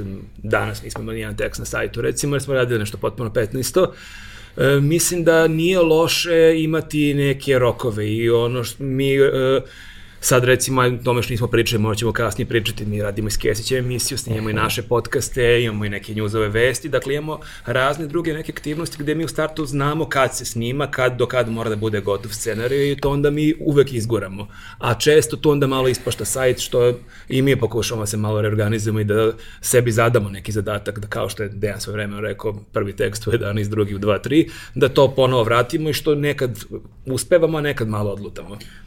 Nismo baš najbolji sa organizacijom vremena. Znaš, sad, I sad se množe ti zadaci i množe se ti neki projekti na kojima radimo, a mi i dalje imamo isti broj sati u danu i isto smo neorganizovani kao i, kao i pre. E, I to zna da bude problem, ali ja volim da verujem da, da smo mi neki kao drugačiji ljudi u smislu koji znaju da se organizuju. Sigurno bi ispaštalo ovaj deo sa kreativom verovatno je povezano nekako, ja volim da verujem da je tako, kao u smislu da, da, smo, da smo neki drugačiji ljudi, ne, ne, bi bili, ne bi bili tekstovi toliko dobri koji na kraju nekako izbacimo, jel, kad, kad nađemo vremena. Tako da sve to ja mislim da, da ima svoje. To je ono kao da li je talenat ili, ili je trud. Mora da bude pa i da, jedno mislim, i drugo, ali... Nije lako, mislim, mi, mi uh ne bismo mi ni sve da objavljamo. Mi ako bismo sad zadali kojiimo radimo 50 stvari tog dana i moramo uz to da napišemo još tri teksta ovog dana, dešavalo bi se možda da bismo mi onda na silu nešto napisali, opet nije ni to poente, tako da i mi evo nakon preko 10 godina i dalje otprilike pokušavamo nešto da i ostajemo kao što je bilo, jer što kaže Viktor, ono, postoji razlog što je tako i što je ta ekipa takva kakva jeste, a svi smo nekako specifični na svoj način. Mogu da, da potvrdiš a da opet malkice to i poboljšamo, tako da je ta neka i naša borba da i mi se tako malo trgnemo pa budemo mnogo produktivni dve, tri nedelje, pa onda opet malo hvatamo krivine, mislim ne, ne bukvalno krivine, mi radimo stvari koje moramo da radimo i mi recimo kad radimo skesće emisiju, mi znamo da je snimanje petkom u podni do četvrtka uveče scenariju mora da bude gotov, bez obzira da smo mi sad raspoloženi, raspoloženi, u kakvim smo situacijama, to ćemo da uradimo uvek, jer to znamo da moramo, a onda zaista nekad sajt malo ispašta, ali evo, potrudit ćemo se da toga bude sve manje. Na početku, jedan bitan izvor i inspiracije i autora i zanimljivih sadržaja je bilo to da ljudi pošalju svoju neku ideju, svoju neku vest. Sad, da, znam da je u jednom periodu tih sadržaja koji su stizali, tih mailova, bilo dosta. I da to... Previše. Nije baš moglo mnogo da se probere tu sad, ali bilo je ponešto što je, što je moglo da se probere. E, koliko danas postoji uopšte e, tog nekog ono, inputa sa strane, ideja sa strane koje, koje mogu da budu upotrebljive?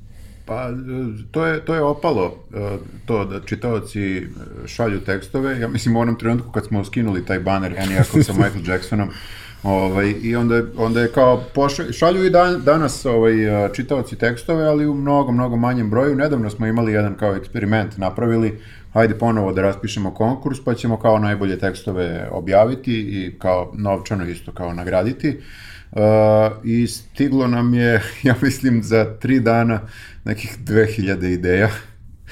Tako da je to sve trebalo pročitati. Uh, I, kraju, I nećemo više nikad. Koristili smo 6-7, da, od tih 2000.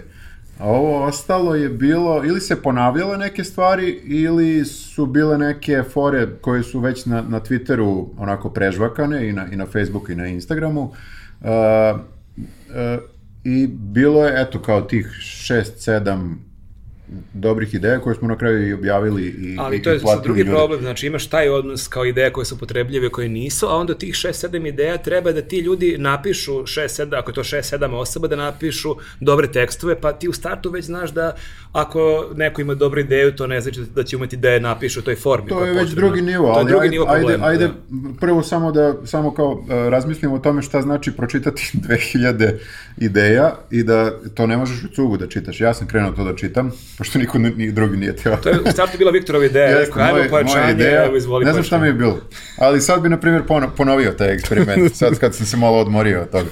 Ali naporno je jako, jer ti kreneš da čitaš, te ideje i kao, ne znam, nije, prvih 10 je onako, prvih 20 je onako, prvih 30, prvih 100 je onako, kao posle 200 to su samo neke reči. Ti ne znaš šta čitaš, to je kao, i onda moraš da napraviš pauzu, pa sutra dan ponovo. I tako. Najteži, ali, najteži posao na svetu. pa nije, da, nije težak, ali nekako, kako bih rekao, potpuno se pogubiš. Ubijete. Tako da, ubijete na neki čudan, čudan način.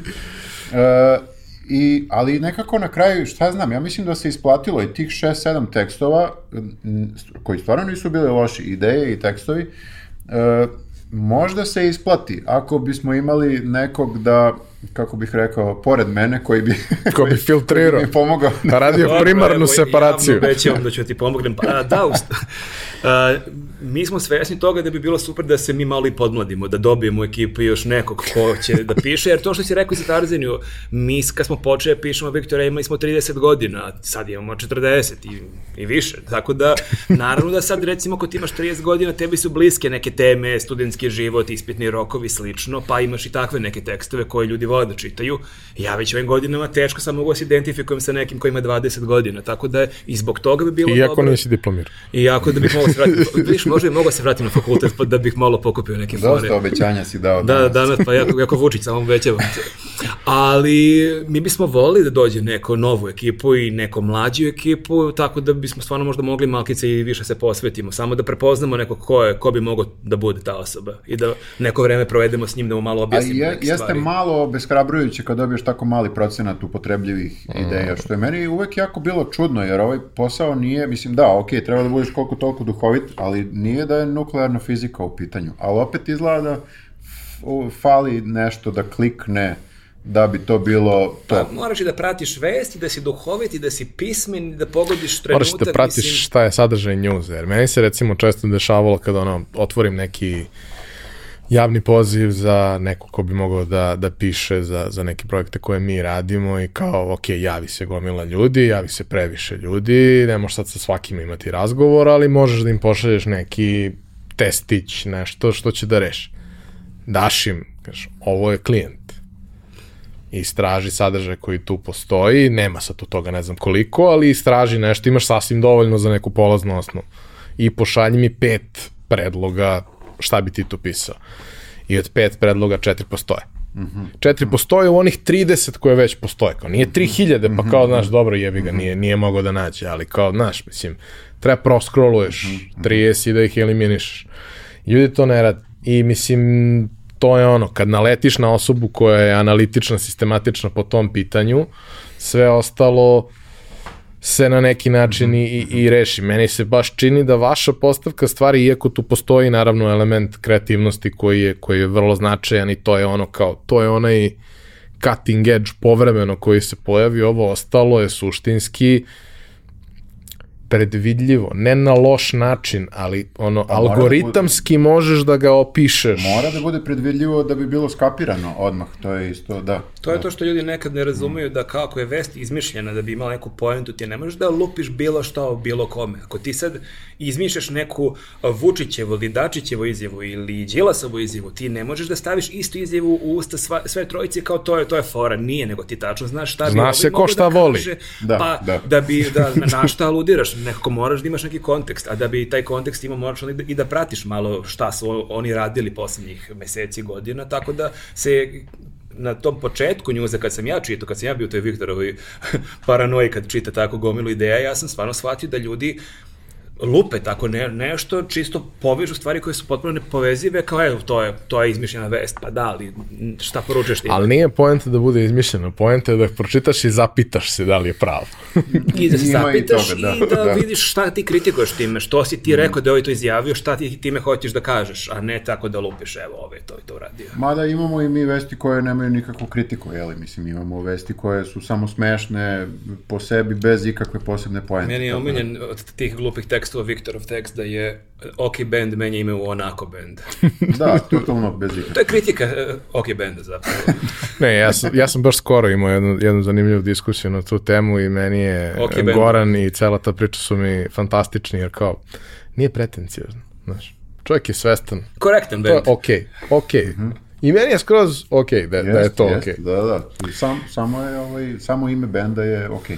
Znaš, nema, nema nekih izneverenih očekivanja, što, je, što je jako važno kad, kad imaš proizvod. Ali da je Onako Band, bila bi još opušteniji onda. Bilo bi još Pa onda bi još niža očekivanja Pa da, bila. I sam- onda ako je okej, onda, Da, je to, super, onda je to super. To je top. to kao moje očekivanje s njuzom. Mala plata, loš posao i onda je sve super što je više od toga. Da, da, a ne ovi nazvali band Amadeus.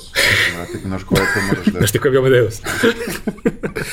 Uh, kada već pričamo o mladim ljudima, talentu, poverenju i svemu tome, kroz ovo što ste radili, uh, dobili ste u dosta navrata podršku nekih potencijalnih sponzora, partnera za, za razne stvari koje ste radili, prosto bilo je primećeno i ljudi su želeli da budu deo toga. Čak i kada to možda sa striktno komercijalnog aspekta nije imalo smisla za njih, jednostavno bilo je cool da, da to uradiš zato što želiš da podržiš neke zanimljive autore. E sad, to je news. News je priča koja se razvija 11 godina, koja je imala razne faze svoje sinusoide, bilo je prvo to Facebook, onda je bio klasičan portal sa pisanim sadržajem, onda se se tu uvelo dosta novih nekih formata, grafičkih, ovakvih, onakvih, da se dodatno digne engagement, da se malo vidi da kažemo još neka mlađa publika možda da se uvuče u celu priču. Svašta nešto se tu dešavalo uh, sa newsom, ali u nekom trenutku i meni se čini da to ono predstavlja uh, trenutak kad, kad zapravo shvatiš da, si, da, da radiš nešto što je, što je do jaja, počinje priča sa Kesićem. Kako počinje priča sa Kesićem?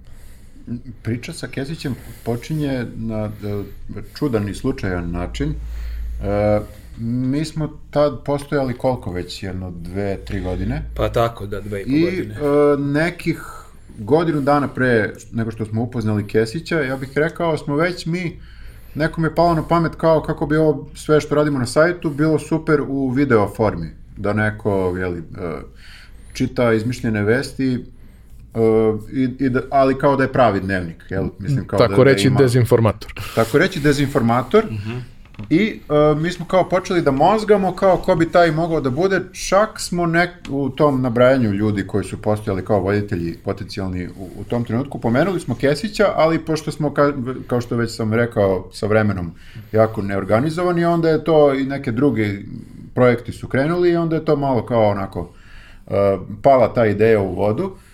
E, ne samo da smo razmišljali o tome kao da e, treba da se news vesti pojave, da se da izmišljene vesti pojave, nego svi smo bili fanovi Daily Showa i onda kao, ajde, ako nisu izmišljene vesti, onda da bude ovaj kao komentari na, na prave vesti. I sve smo to pominjali, ali pošto smo lenji, ništa od toga se nije desilo. I onda, pukim slučajem, upoznajemo Kesića 2013. godine. Čekaj, ali to je baš bukvalno sudbina, kao ono, baš neverovatno, jer dešava se situacija da mene zov, zovu na radio, radio novosti, a zovu me, bio je neki petak i ja nešto sam imao neku obavezu, nešto me i mrzelo i nešto trebalo posle da idem i ja odbijem, aj kao ne, ne mogu, imam nešto. I zove mene ponovo, sledećeg petka dođem i sa meni glupo da drugi petak za redom opet odbijem. Ja kažem, ok, aj doći ću sad u emisiju, rekao, s kim ću biti gost, kaže sa Kesićem. I ja to stvarno onako presečem, jer kao ja sam stvarno pratio Kesića još od 2004. 5. vrlo sam poštovao. Ja sam vas gledao kad sam bio mali. Da, da, i kao znam da je čovjek na televiziji godinama, znam kad ima klike, rekao, ja sad kad krene neka prozivka s Kesićem, ja s njim jedan na jedan, ja s njim nemam šanse, ja kažem, jel okej ako- da ja pozovem i Viktora, čisto ja računam, ako krene fight 2 na 1, tu već imamo šanse, znaš, kao to je, uz pomoć Viktora ćemo moći ono, da dobijemo Kesića, a sam nema šanse. I Viktor kao važi, može on. I onda dođemo nas dvojica, ali nije bio razgovor tog tipa, neke prozivke i slično, najnormalniji je bio razgovor, onako najobičniji neke gostovanje u nekoj radijskoj emisiji. I nakon te emisije mi odemo s Kesićem na piće i- tu krenemo da pričamo, prilike, šta radiš, čime se baviš i onda on nama to kaže. Njegovu tužnu priču kako ga nema na TV u neko vreme, a voleo bi da se vrati. Da, nema ga dve godine, on bi jako voleo da radi nešto na foru Daily Show ili Colbert Reporta, ali eto, on je voditelj, on je pisao scenarij za svoje prethodne emisije, ali ne može jedan čovjek, i to je tačno. Sam je, jedan naporno je, da. Jedan da. čovjek ne može da piše iz nedelju u nedelju koliko god je genijalan, tako, takav format i kao evo meni trebaju scenaristi i mi kao pa čekaj, kao nama treba voditelj, jer niko od nas sebe nije nikad video ulozi voditelja, kao nama treba voditelj, tebi trebaju scenaristi, pa ajde da smislimo nešto zajedno i tu je neko sve počelo, ali ja se stvarno pitam, onako se plašim da pomislim da sam ja otišao u tu emisiju 7 dana ranije, gde bih gostao sa nekim drugim, da li bih ja ikad upoznao Kesića i da li bi se iš- išta dešavalo ovo na ovaj način. Ništa, bili biste scenaristi za Agape, verovatno, ili tako nešto. Da. Bilo bi dobro Forrest Gajšekov, da, da, mo, verovatno bi tako nešto radili, tako da je, da, to je zanimljivo kako je krenulo i to je isto bilo onako, mi smo tu u hodu krenuli da uh, se upoznajemo i da zajedno smišljamo kako će ta emisija izgledati, mi nismo nikad radili pre toga za TV, on je opet radio neke slične stvari, ali nikad ni on na taj način nije vodio emisiju, on nije recimo navikao da čita tekst sa promptera ili ono što bi ljudi rekli si idiota, on je u Fajot Republici imao spontane razgovore i neke skečeve, tako da je njemu bilo čudno i on se nije pre toga bavio politikom i mislim da u početku i on je malkice se plašio da uđe na taj teren jer nije prethodnih godina toliko se bavio političkom nekom satirom. A tu je, tu je ulogu odigrao i Sale, eh, reditelj naš, koji je, eh, koji poznaje Kesića, ja mislim, iz gimnazije ili tako nešto i njih dvojica nisu nikad, znaju se tolike godine, ali nisu nikad sarađivali, a i njemu je bilo nekako kao stalo mnogo da se, da se napravi taj neki srpski daily show, tako da ga je on dodatno pogurao Da, zapravo Kesića, sad to je nekako bila je ideja, onako... on je rekao ti bi trebao da radiš ovo i on se nekako nije hteo sam to da piše i onda smo se nekako tu zajedno našli i u startu je to nekako super kliknulo, jer on je baš imao neko veliko poverenje u to što mi radimo, verovo je da mi nekako smo potkovani uh, za tu neku temu koju prethodno on možda nije toliko obrađivo, mi smo opet njemu verovali da je genijalan voditelj koji ima neverovatnu harizmu, dikciju, pojavu I tako da je to onako krenulo, mada i to je onako bilo na mišiće. Ja se sećam ta prva, prva emisija, prva epizoda kad smo snimali, to je onako baš trajalo dugo i dok smo se mi uhodali, igrali kamermani, reditelj, on, to menje kamera, sad potiš u ovu kameru, pa pređeš na ovu kameru, pa se vratiš. To su sve bile neke finese koje je i on mora da ovlada, ali onako, sećam se da sam posle tog prvog snimanja smo bili mokri, otprilike sve, jer to trajalo ne znam koliko sati i mi nismo imali pojma na što će to ličiti. I naravno kao po, po, kada toliko nekako uh, praviš prvu epizodu, čitaš taj tekst sto puta, ponavljaš sto puta, pa su greške sto puta i posle tog stota puta naravno da ti ništa više nije smešno.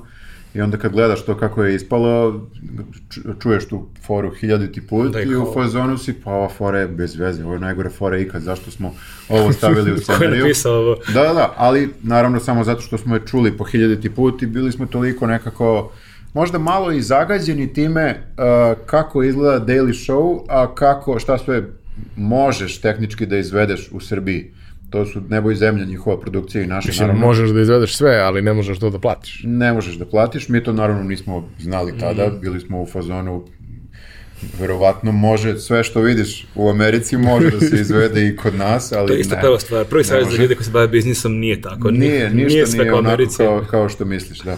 da. E, tako da, bili smo posle te prve epizode i posle prvih nekoliko epizoda onako malo uh, kako da kažem, nije, malo nam je, op, nije nam Elan odmah e, porastao, ali onda smo, onda smo ovaj, čuli reakcije publike i nekako smo uh, nehotice uh, čačnuli u ovo što se sad dešava sa, sa ovom medijskom slikom, čačnuli smo tamo gde se ne sme, a mi nismo, nismo znali da se, da se to ne sme tada. Nije vam niko rekao. Nije nam niko rekao, nam je bilo mi logično. pitali, mi smo rekli mi to radimo, ajde da cepamo kako mi želimo. A, a najlogičnije je nekako da kritikuješ vlast, jeli, to je baš onako na kecu. Daily show. Daily show.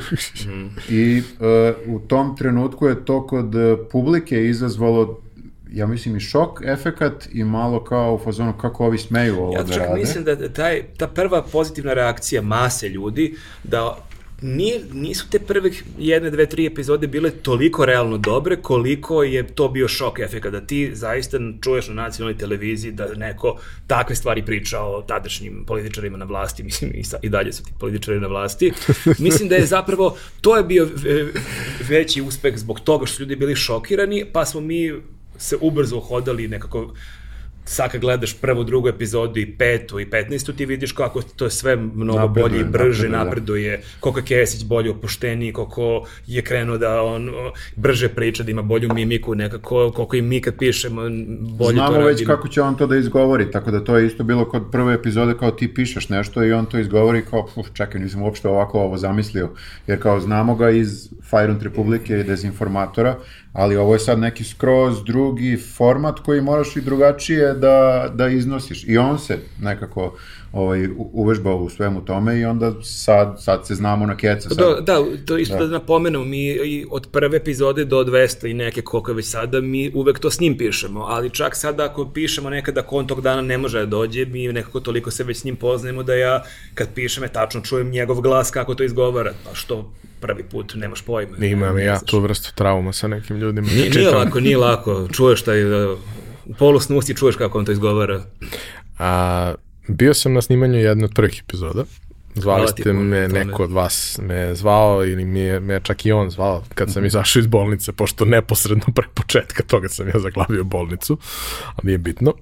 Ovaj, a, ali bio sam tu negde od samog početka i bilo mi je fantastično kao kako ti imaš format na koji se oslanjaš. Kao, znaš šta hoćeš da postigneš, imaš neki format na koji se oslanjaš, ali sa druge strane, ovaj, ono, imaš čitavu istoriju užasno loših pokušaja lokalizacija stranih formata na našem tržištu, gde su manje i više svi failovali, osim onih koji su bili dovoljno jaki autorski, da su mogli svojim autorskim radom da urade adaptaciju toga i da nešto što treba da bude lokalizovano bude malo više lokalizovano od samo, da kažemo, prevođenja jezičkog na, na, na, na to. Uh, I čini mi se da se to negde desilo sa, sa 24 minuta. E sad, ono što bih volao da, da negde objasnite, zato što upravo u tom trenutku uh,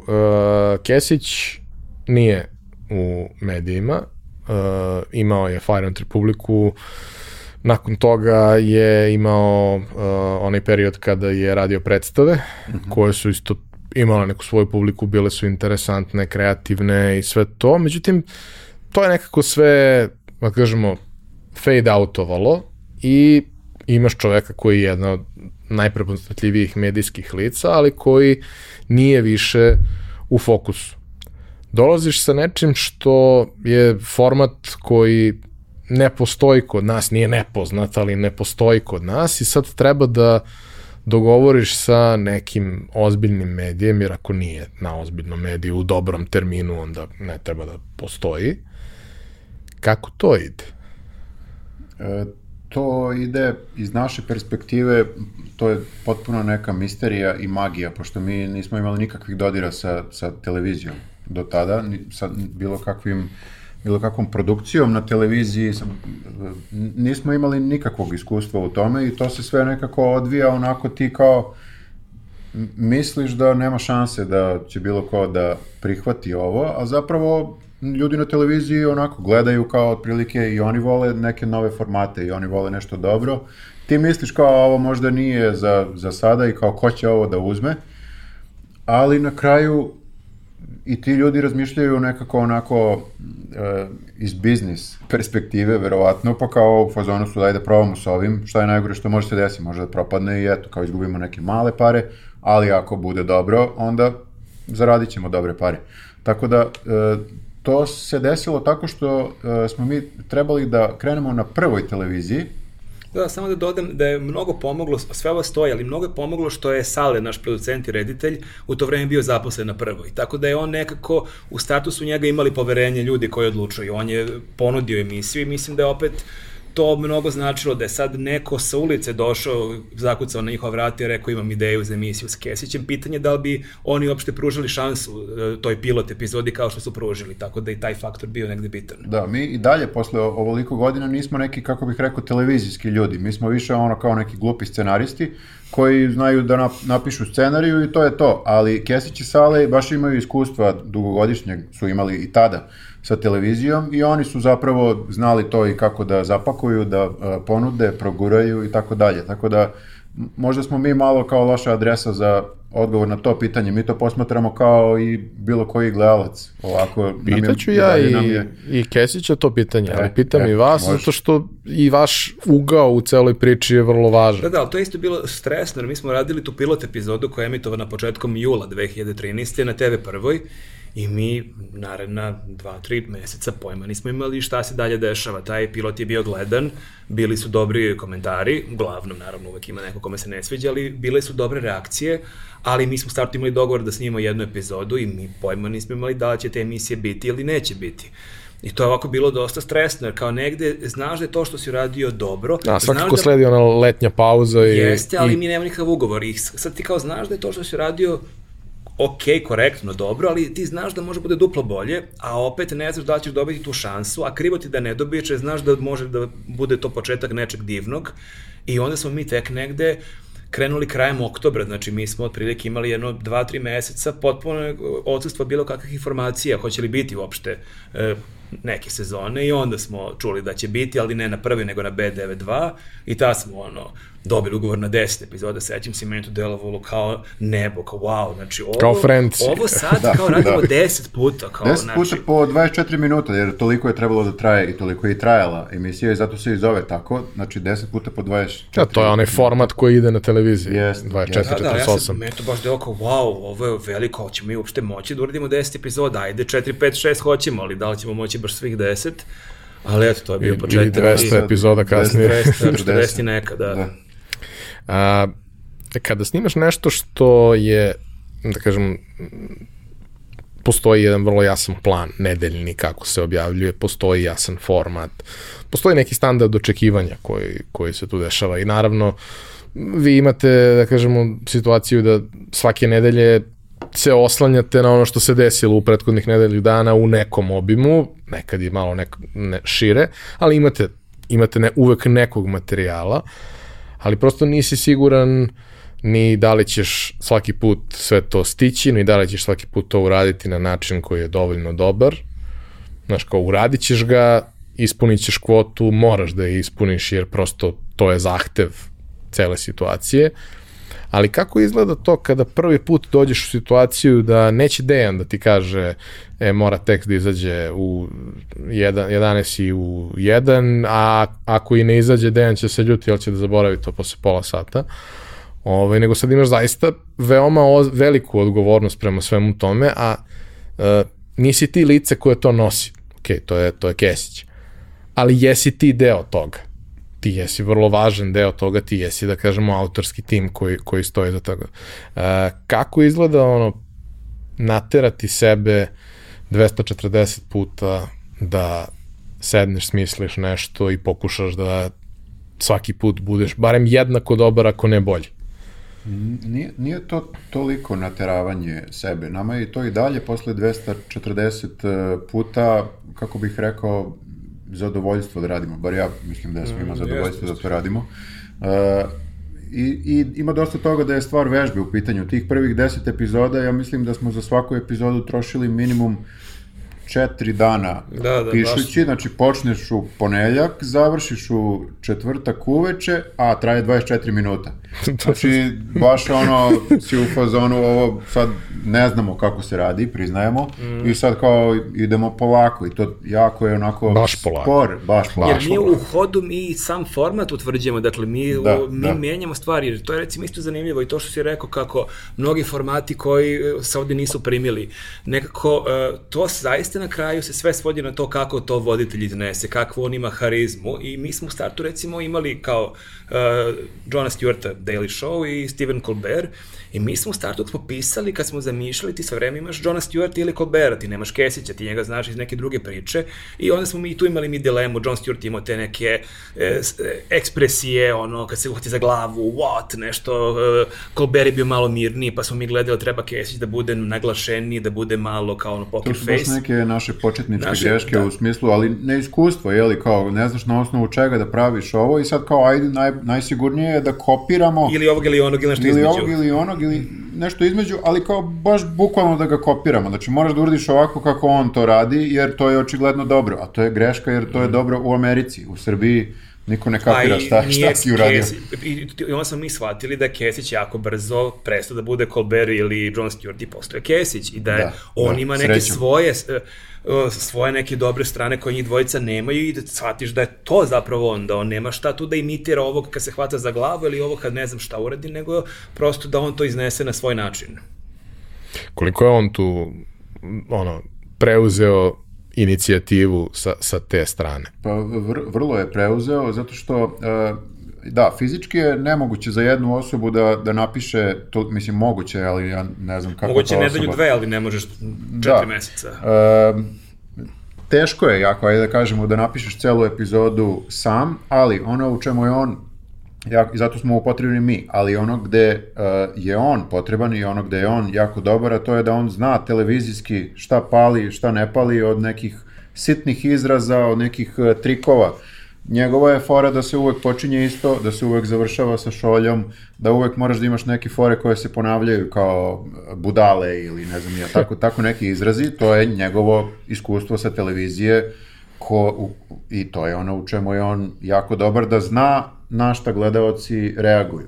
I to je ono što mi nismo imali pojma, ali tako kao, ali smo ga naravno pustili da on nekako napravi taj format emisije i da radi onako kao, kao što najbolje i zna da radi i da ubacuje te izraze gde on osjeti da, da treba i da se ponavljaju te fore iako je nama bilo čudno zašto bismo ponavljali možda neku foru, ali to je, to je ono gde, gde on preuzima, a naravno mislim da učestvuje i u, i u pisanju i naravno da i on sad već isto ovaj, e, kako bih rekao, e, ne sad, nego od početka učestvuje u pisanju scenarija podjednako kao bilo ko od nas i zna kuda da otprilike vodi e, zna šta, zna šta treba da bude poenta svake, svake teme, zna, zna kako da završi, zna kako da zaokruži, naravno da prati sve isto šta se dešava e, u, u vestima i, i u politici, nekako ja mislim da u početku možda nije toliko pratio U početku politiku. nije toliko i to mu jeste možda bila malo neka njegova nelagoda, ali on je od prve epizode krenuo da kupuje Nin, Shvatio vre, je- Nin vreme shvatio je nedelji. to kao čita sve pravi tako- profesionalac, Da, da, znaš, tako da kao, sad, ja sam sad čovjek koji prati vesti. On I- apsolutno ni najmanje ne zaostaje za nama kao- koliko prati naprotiv, tako da zaista to ni više nije onaj Kesić iz 2013. godine i, i zanimljivo je recimo, e, mi zajedno s njim pišemo,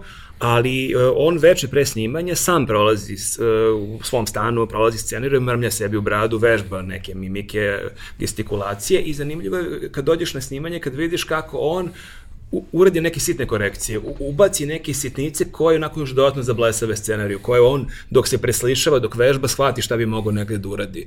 I da, i samo bih dodao ovo što kaže Viktor, uh, Kesić je uh, čovjek koji ne ume da kupe ćevape kad se pravi roštilj, koji ne ume da upali vatru kad se pravi roštilj i za takve neke, ne ume da vozi. Znači ima zaista neke stvari koje su onako fascinantne, ali... Neoprostive. Neoprostive, stvarno. Ali kad je reč o poslu, on je e, beskreno odgovorna osoba. To je zaista neverovatno koliko on posvećen i koliko nekad onako, koliko ga nekad možda i mi nerviramo, kad, mislim ne možda sigurno, kad recimo on dođe u njuz, a mi radimo možda 20 minuta neki drugi posao koji nismo stigli završimo, on je nekako tu kad dođe, jako je posvećen i želi da ta emisija bude što bolje, da je što bezbolnije izguramo, da to bude onako jedan lep timski rad, tako da je zaista uživanje s njim raditi stvarno. Jako je, jako je bio zanimljiv period da se vratim na knjigu, ovu prava istorija sveta, kada smo pisali knjigu. To ga je užasno nerviralo ta knjiga, zato što ta knjiga zahteva neko vreme, a neretko se desi da, jeli, kako mi, opet po treći put ponavljam kako smo super za organizacijom vremena, zagazimo u njegov termin, jel tako, sa pisanjem uh, fora za knjigu i onda on kao tipa, ne znam, 15, 20, pola, pola sata ovaj, čeka tu da mi završimo i mrzi tu I knjigu pulsira iz, iz onako, duše. pulsira onako pasivnom agresijom, ono, uzme da igra šah na kompjuteru u to vreme i tako da, tako da zabavno je sve to, ali da, zaista nekako uh, jako, je odgovoran. jako je odgovoran, baš jako, jako odgovoran, onako, mnogo ljudi koji ga viđaju na ulici u nekim situacijama kad se nešto zeza, uopšte ne mogu da povežu da je ta osoba toliko baš onako workoholik. Um, hajde samo kratko da danas, dakle 200 epizoda kasnije, uh, kako izgleda uobičajan proces pripreme? E pa sad vidiš, rekao sam ti u početku da nam je trebalo 4 dana da napišemo 24 minuta, sad nam treba otprilike 2 dana da napišemo sat vremena, nije sat vremena, ali malo manje traje sad emisija, aj kažemo 45 minuta. Tako da jako smo se uvežbali, uh, jedan dan je čisto, kako bih rekao, priprema, razmišljamo ko, ko su gosti, ko je analitičar, uh, ko je band, uh, koje teme obrađujemo. Da imamo Facebook grupu gde nabacujemo Da, da. vesti, evo šta je se juče desilo, šta se prekjuče desilo, tako da mi već imamo otprilike spisak tema i tu gledamo koja će od tih tema ući emisiju, koja neće. Ali full sreda i, i ceo, ceo četvrtak su posvećeni isključivo pisanju emisije od početka do kraja, tako da ja ne znam koliko je to sati ukupno, možda nam sad treba malo manje sati nego, nego pre jer smo se uhodali, ali i, ima posla i ok je, odnosno moraš da napraviš to da ti bude e, proces koji se ponavlja i na koji se navikneš posle nekog vremena i moraš to da shvatiš jednostavno kao posao.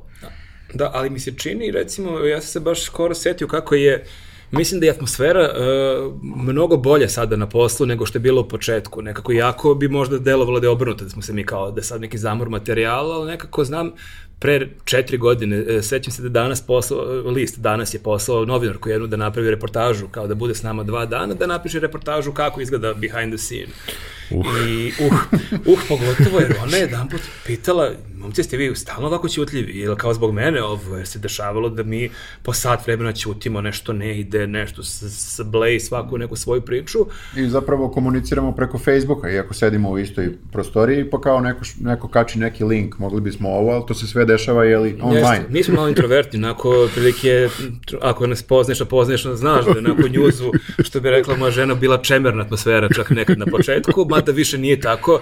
I nas je sada više, tu je koleginica Elisaveta, tu je i vlada, popularni, popularni sa Twittera preduhitrijevač, tako da i kad su i oni došli nekako e, smo se mi malo još dodatno preporodili, tako da mi se čini da je sad mnogo življe i luđe atmosfere i to je nekako zanimljivo koliko i se i mi najviše smemo na neke stvari koje ne mogu završiti u emisiji, jer... Pa, uglavnom, jer su potpuno pogrešne u smislu nekorektne i smešne zato što su pogrešne. I onda to ne možeš da jeli, ubaciš u emisiju jer će ljudi prestati da gledaju tvoju emisiju i zvaće televiziju da se žale i možda ćeš završiti u zatvoru. Da, tako. tako da i nas možda sad dok pišemo te neke fore koje znamo da će nasmejati našu publiku, nama možda nisu one više toliko smešne, smo ih imali često razne variacije na tu temu, ali da bismo mi došli u stanje da napišemo to da bude smešno, potrebno je da mi izlupetamo neke potpuno pogrešne i bolesne zbog, komentare. Zbog koje bismo bili cancelovani, to se danas kaže.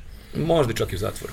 Ali u svakom slučaju to je negde nama potrebno da bude neka bolja atmosfera i zaista jeste mnogo sad življa atmosfera nego što je bilo te 2013. kad smo onako bili u panici kao šta radimo, na šta će ovo ličiti, hoće li ovo ikak gledati. Ali da, sigurno smo opušteni i zbog toga jer znamo sada već nekoliko godina unazad da publika baš voli tu emisiju i da gledanost nikad nije bila jača i da nekako možemo da uvek se setimo da uh, koliko god da nam teško ide možda pisanje neki put ako je neka mrtva nelja, da nekako znaš da i publika tu je ipak iza tebe, nije, nije, nisu protiv tebe, nego ipak navijaju za tebe, ja mislim gledaoci. I to ti malo onako kao olakša posao u smislu da se ne smoriš, nego znaš da imaš super proizvod i da samo malo treba nekako da nađeš neki... I vratiš se na oni probitan osjećaj pisanja na nju, zašto smo počeli, da, kad smo ovde krenuli da pričamo s tobom, taj osjećaj uh, ljudi kojima se to dopadne, koji to lajkuju, nekako imaš to saznanje, ok, to jeste tebi posao i ti si za to i plaćen i od toga živiš i to jeste negde postao posao i news i 24 minuta, ali dalje imaš to saznanje da ta emisija znači ljudima. Evo ja sam sad pre neki dan bio na jednom dečijem rođendanu gde mi jedna žena rekla kao jako nam je mnogo značila vaša emisija po, tokom karantina, kao to nas je išlo, pa smo bili u stanu non stop i kao svake subote smo čekali Kesića da nas malo raspoloži i ti znaš da postoji na hiljada ljudi koji tako razmišljaju i to je nekako nešto što prosto, ako ti se nekog dana i ne radi, ili to mrtva je nedelja ili političari ponavljaju 50 put istu priču, pa nije lako da ti nađeš 50 nov ugao kako to da obradiš, negde si svestan da to zaista znači ljudima. E, pored priče sa, sa Kesićem i 24 minuta, vi ste, da kažemo, kao kreativci aktivni na drugim poljima. Između ostalog, u poslednje vreme, e, do duše u prvom periodu ne baš redovno, a sad nešto malo redovnije, ljudi mogu da slušaju i news podcast. I da gledaju. I da gledaju, dobro. Ali, ima i takvih ljudi. Ima, ima nas raznih. ovaj, ali znam i da je bilo situacija u kojima uh, su prosto razne, razni klijenti, produkcije iskazali želju da rade sa vama kao kreativcima. Kako je to izgledalo? Kako je došlo uopšte do prvi put do, do, do tako nečeg i kako to izgleda iz vašeg ugla? Uh, pa nama je to sve zabavno nekako... Uh, ja se da zvuči kao neka bullshit fraza, kao volim nove izazove, ali mislim da stvarno svi mi volimo neke nove izazove. U tim godinama, svaka čast. Jeste, da. ja sam mlad duhom, pa da, da još sam student, pa zato. Ali e, svako, sve to novo iskustvo. Mi smo sad recimo radili tri reklame za četiri zida i to je recimo bio prvi put da radimo celu reklamu od scenarija do kompletne realizacije. Mislim, nismo mi snimali, montirali, imamo ljude s kojima sarađujemo koji to rade i recimo to isto bilo veoma zanimljivo iskustvo za sve nas i mi bismo volili da nas ljudi češće i za takve stvari angažuju, jer mnogi ljudi recimo i ne znaju da mi i to možemo i umemo da radimo i mislim da smo u tome prilično dobri.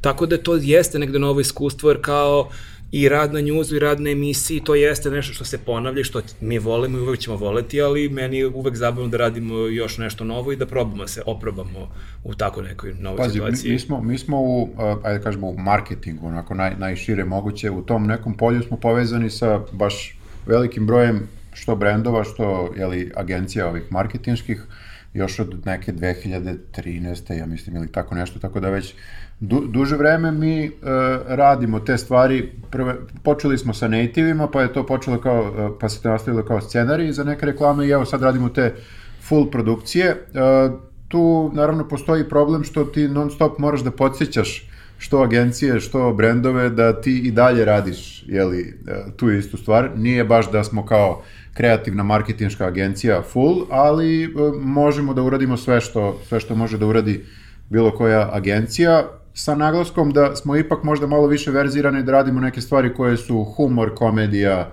i uh, u, u tom nekom smislu. Uh, tako da nas ljudi i najčešće kad nas se sete, uh, sete nas se onda kad im je potrebna neka smešna reklama ili kad im je potrebna neka smešna kampanja ili da im osmislimo nešto što što je malo neko razmišljanje onako, ne mogu kažem out of the box, pošto svi rade out of the box, jel tako, ali malo ima taj neki bolesniji pristup.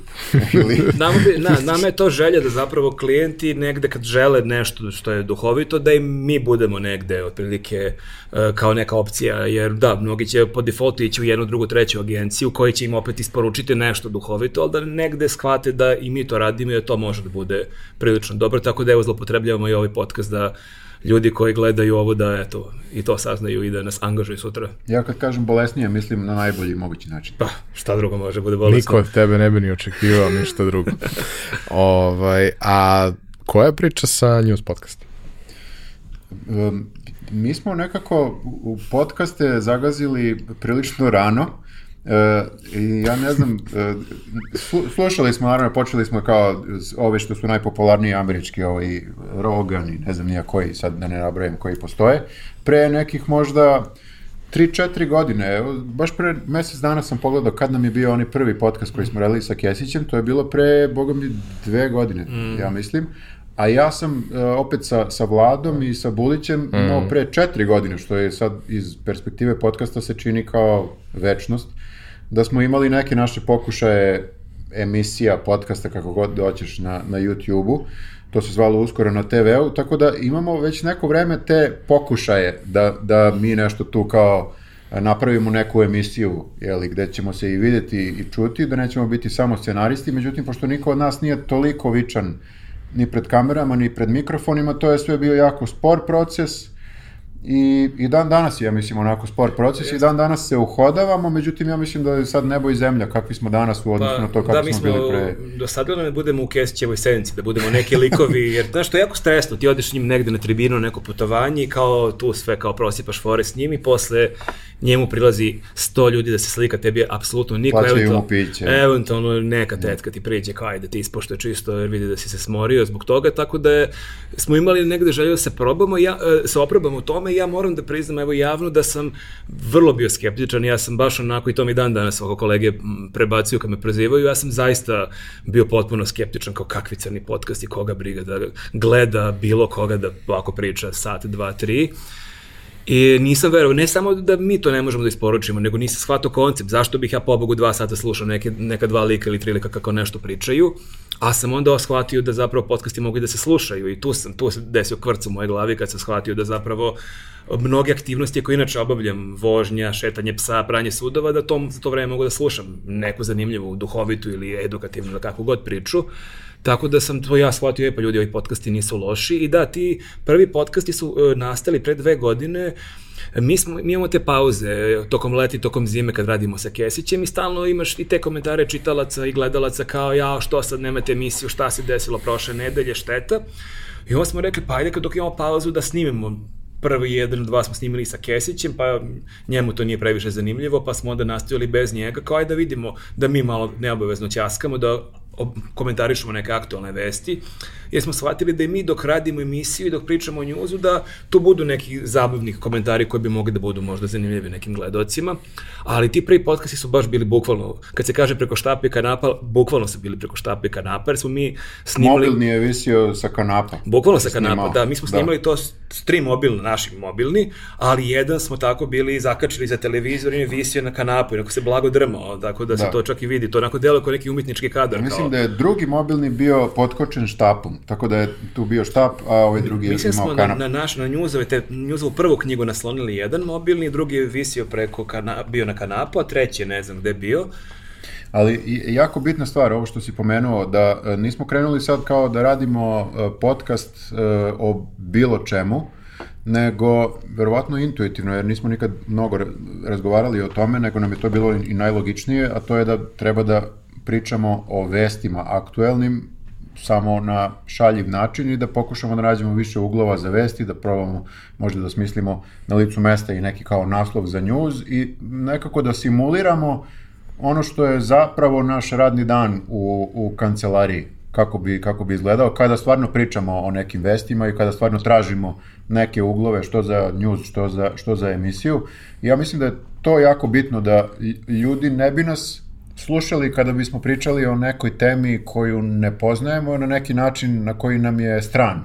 Mm. Mislim da je ovo ono što je možda kao ljudima zanimljivo da baš vide i, i to je biznis savjet isto mora se kaže, znači radite ono u čemu ste dobri ove Eto, bolje da, stvari koje smo rekli. Pa da, jer da, i nama da. je to bilo zanimljiv eksperiment, jer emisija s Kesićem je cela napisana, svaka zapeta je tu u startu isplanirana. Tu nema, jedino kad on razgovara sa gostom, pa tu ima malo nekog potpitanja koje je neplanirano, inače sve što on kaže je unapred isplanirano.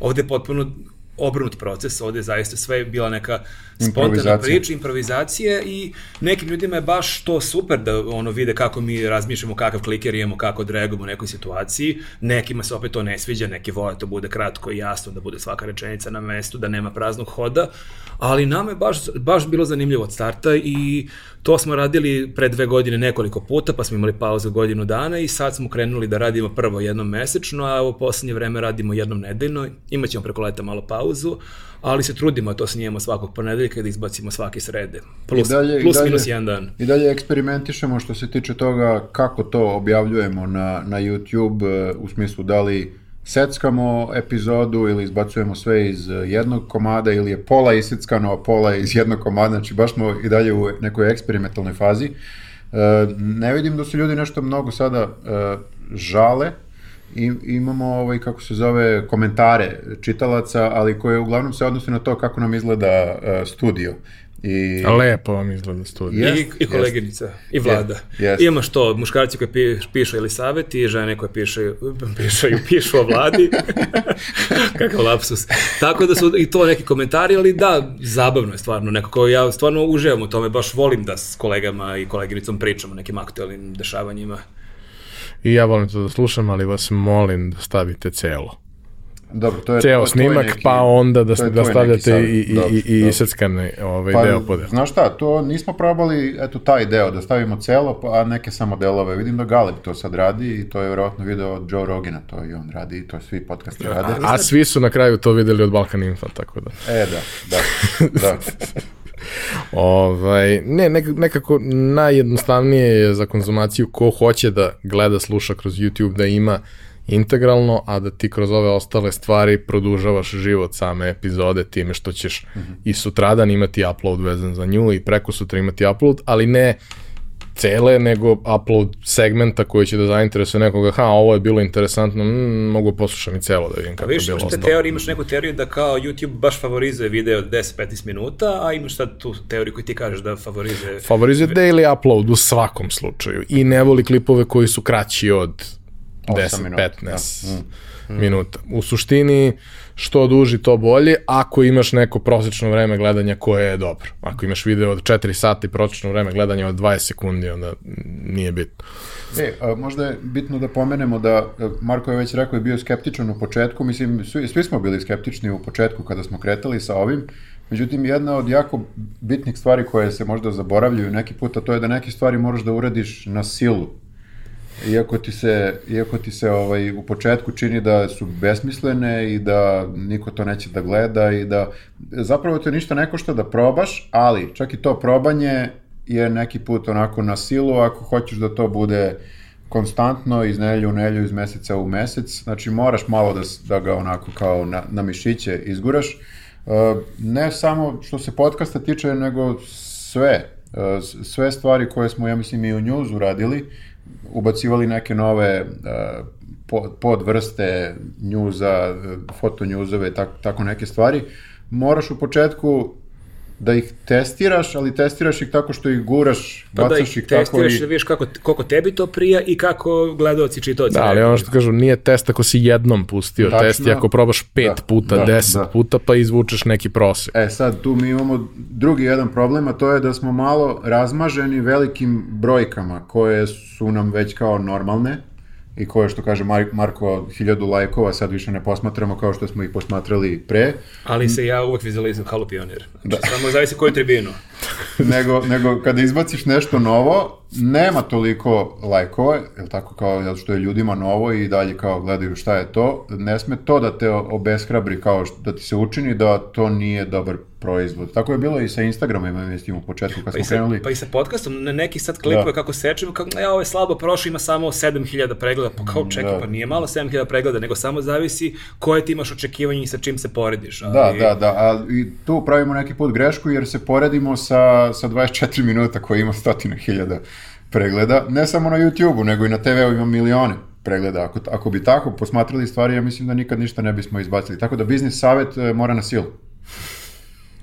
Samo Koliko biznis. Ne znam, Jako i na silu, a- gledalci a- dobili nekad ovoliko biznis savjeta kao vrlo, naš- toliko konkretnih i u startu toliko I, depresivnih. I toliko vapaja. Znači, zaista do sad nismo Ej, imali. moramo da kažemo da smo jedno vreme u redakciji imamo, imali napisano na silu na zidu, tako da ne zaboravimo ovaj, E, na ogrom- silu ogromnim i slovima. imali smo napisano... I, sliku, i Đogani. I imali smo sliku zd- zdravi u glavi, jer to je isto kada smo sarađivali sa nekim klijentima, pa nekako smo shvatili da jako volimo da sarađujemo sa raznim klijentima, ali da ipak sve vreme moramo shvatimo da je to neki proizvod i da mi za to radimo neki slogan, neku reklamu, ali da nekako to je i dalje proizvod, to i dalje nije smisao života i dalje nije filozofija i dalje nije ne znam šta, što nekad često neki ljudi posmatraju, tako da smo rekli kao ajde da da to posmatramo ovako kao na ne malo drugačiji način. Ne znam, jel to može isto da bude biznis savjet, zdravi u glavi? Može, Mislim da, ja mislim da može. mislim da je to isto okej. Znači, ne, ne, ne treba da previše ozbiljno shvatate sve što radite. Treba da malo kao pogledate iz, iz daljine i da neke stvari su... I da shvatite to je da i dalje je kisela voja, to je i dalje keks, da je to i dalje čokolada i da to i dalje nije Space Shuttle koji sleće na Mars, nego je života. prosto, da, kao neki lep proizvod. Momci, hvala. Od nekog ko je, ovaj, obećao da neće reći ništa korisno, mislim da ste rekli mnogo toga ovaj, i jako zabavnog, i jako poučnog, i jako korisnog, i da ste pokazali na neki način ljudima koji razmišljaju da krenu na neki nekonvencionalni put, da svašta zapravo može da se desi ako postoji strajnost i ako postoji neka uzajamna energija i razumevanje koje, koji te guraju, kao jedan drugu kada I da je guraš. verovatno dobro imati neke biznis strategije, to nećemo da malovažavamo, ali u slučaju njuza ništa toga nije postojalo, nije bilo nikad, ne petogodišnjeg plana, nije bilo plana za pet meseci, ali ta neka strast i ljubav i strajnost su doveli do toga da evo postojimo Da, skoro dan za dan. U najgorem slučaju, dan za Pa, dan. mislim i- da u Srbiji često ti ne možeš da planiraš pet godina napred. Mislim, A aj često sad. ne možeš da planiraš ni dan za dan. Spustiš očekivanja, kao OK band. Dobro, bio je ovo jedan ok podcast. Hvala vam na tome. Hvala, Hvala tebi. tebi. Ukoliko vam se ova epizoda dopala, pogledajte i neku od prethodnih, a možete nas zapratiti na YouTube-u, na audio platformama ili se prijaviti na našu mailing listu, a takođe ukoliko želite možete nas podržati na platformi Buy Me a Coffee, bilo jednokratnom donacijom ili mesečnom pretplatom. Za kraj bih se samo zahvalio još svima koji nas podržavaju, kao i našim prijateljima iz kompanije Epson koji su pomogli realizaciju ove epizode i pozvao vas da kao i do sada sve svoje predloge, sugestije i komentare ostavite na za to predviđenim mestima na društvenim mrežama i na YouTube-u, a mi ćemo ih uzeti u obzir u realizaciji narednih epizoda. Vidimo se naredne nedelje.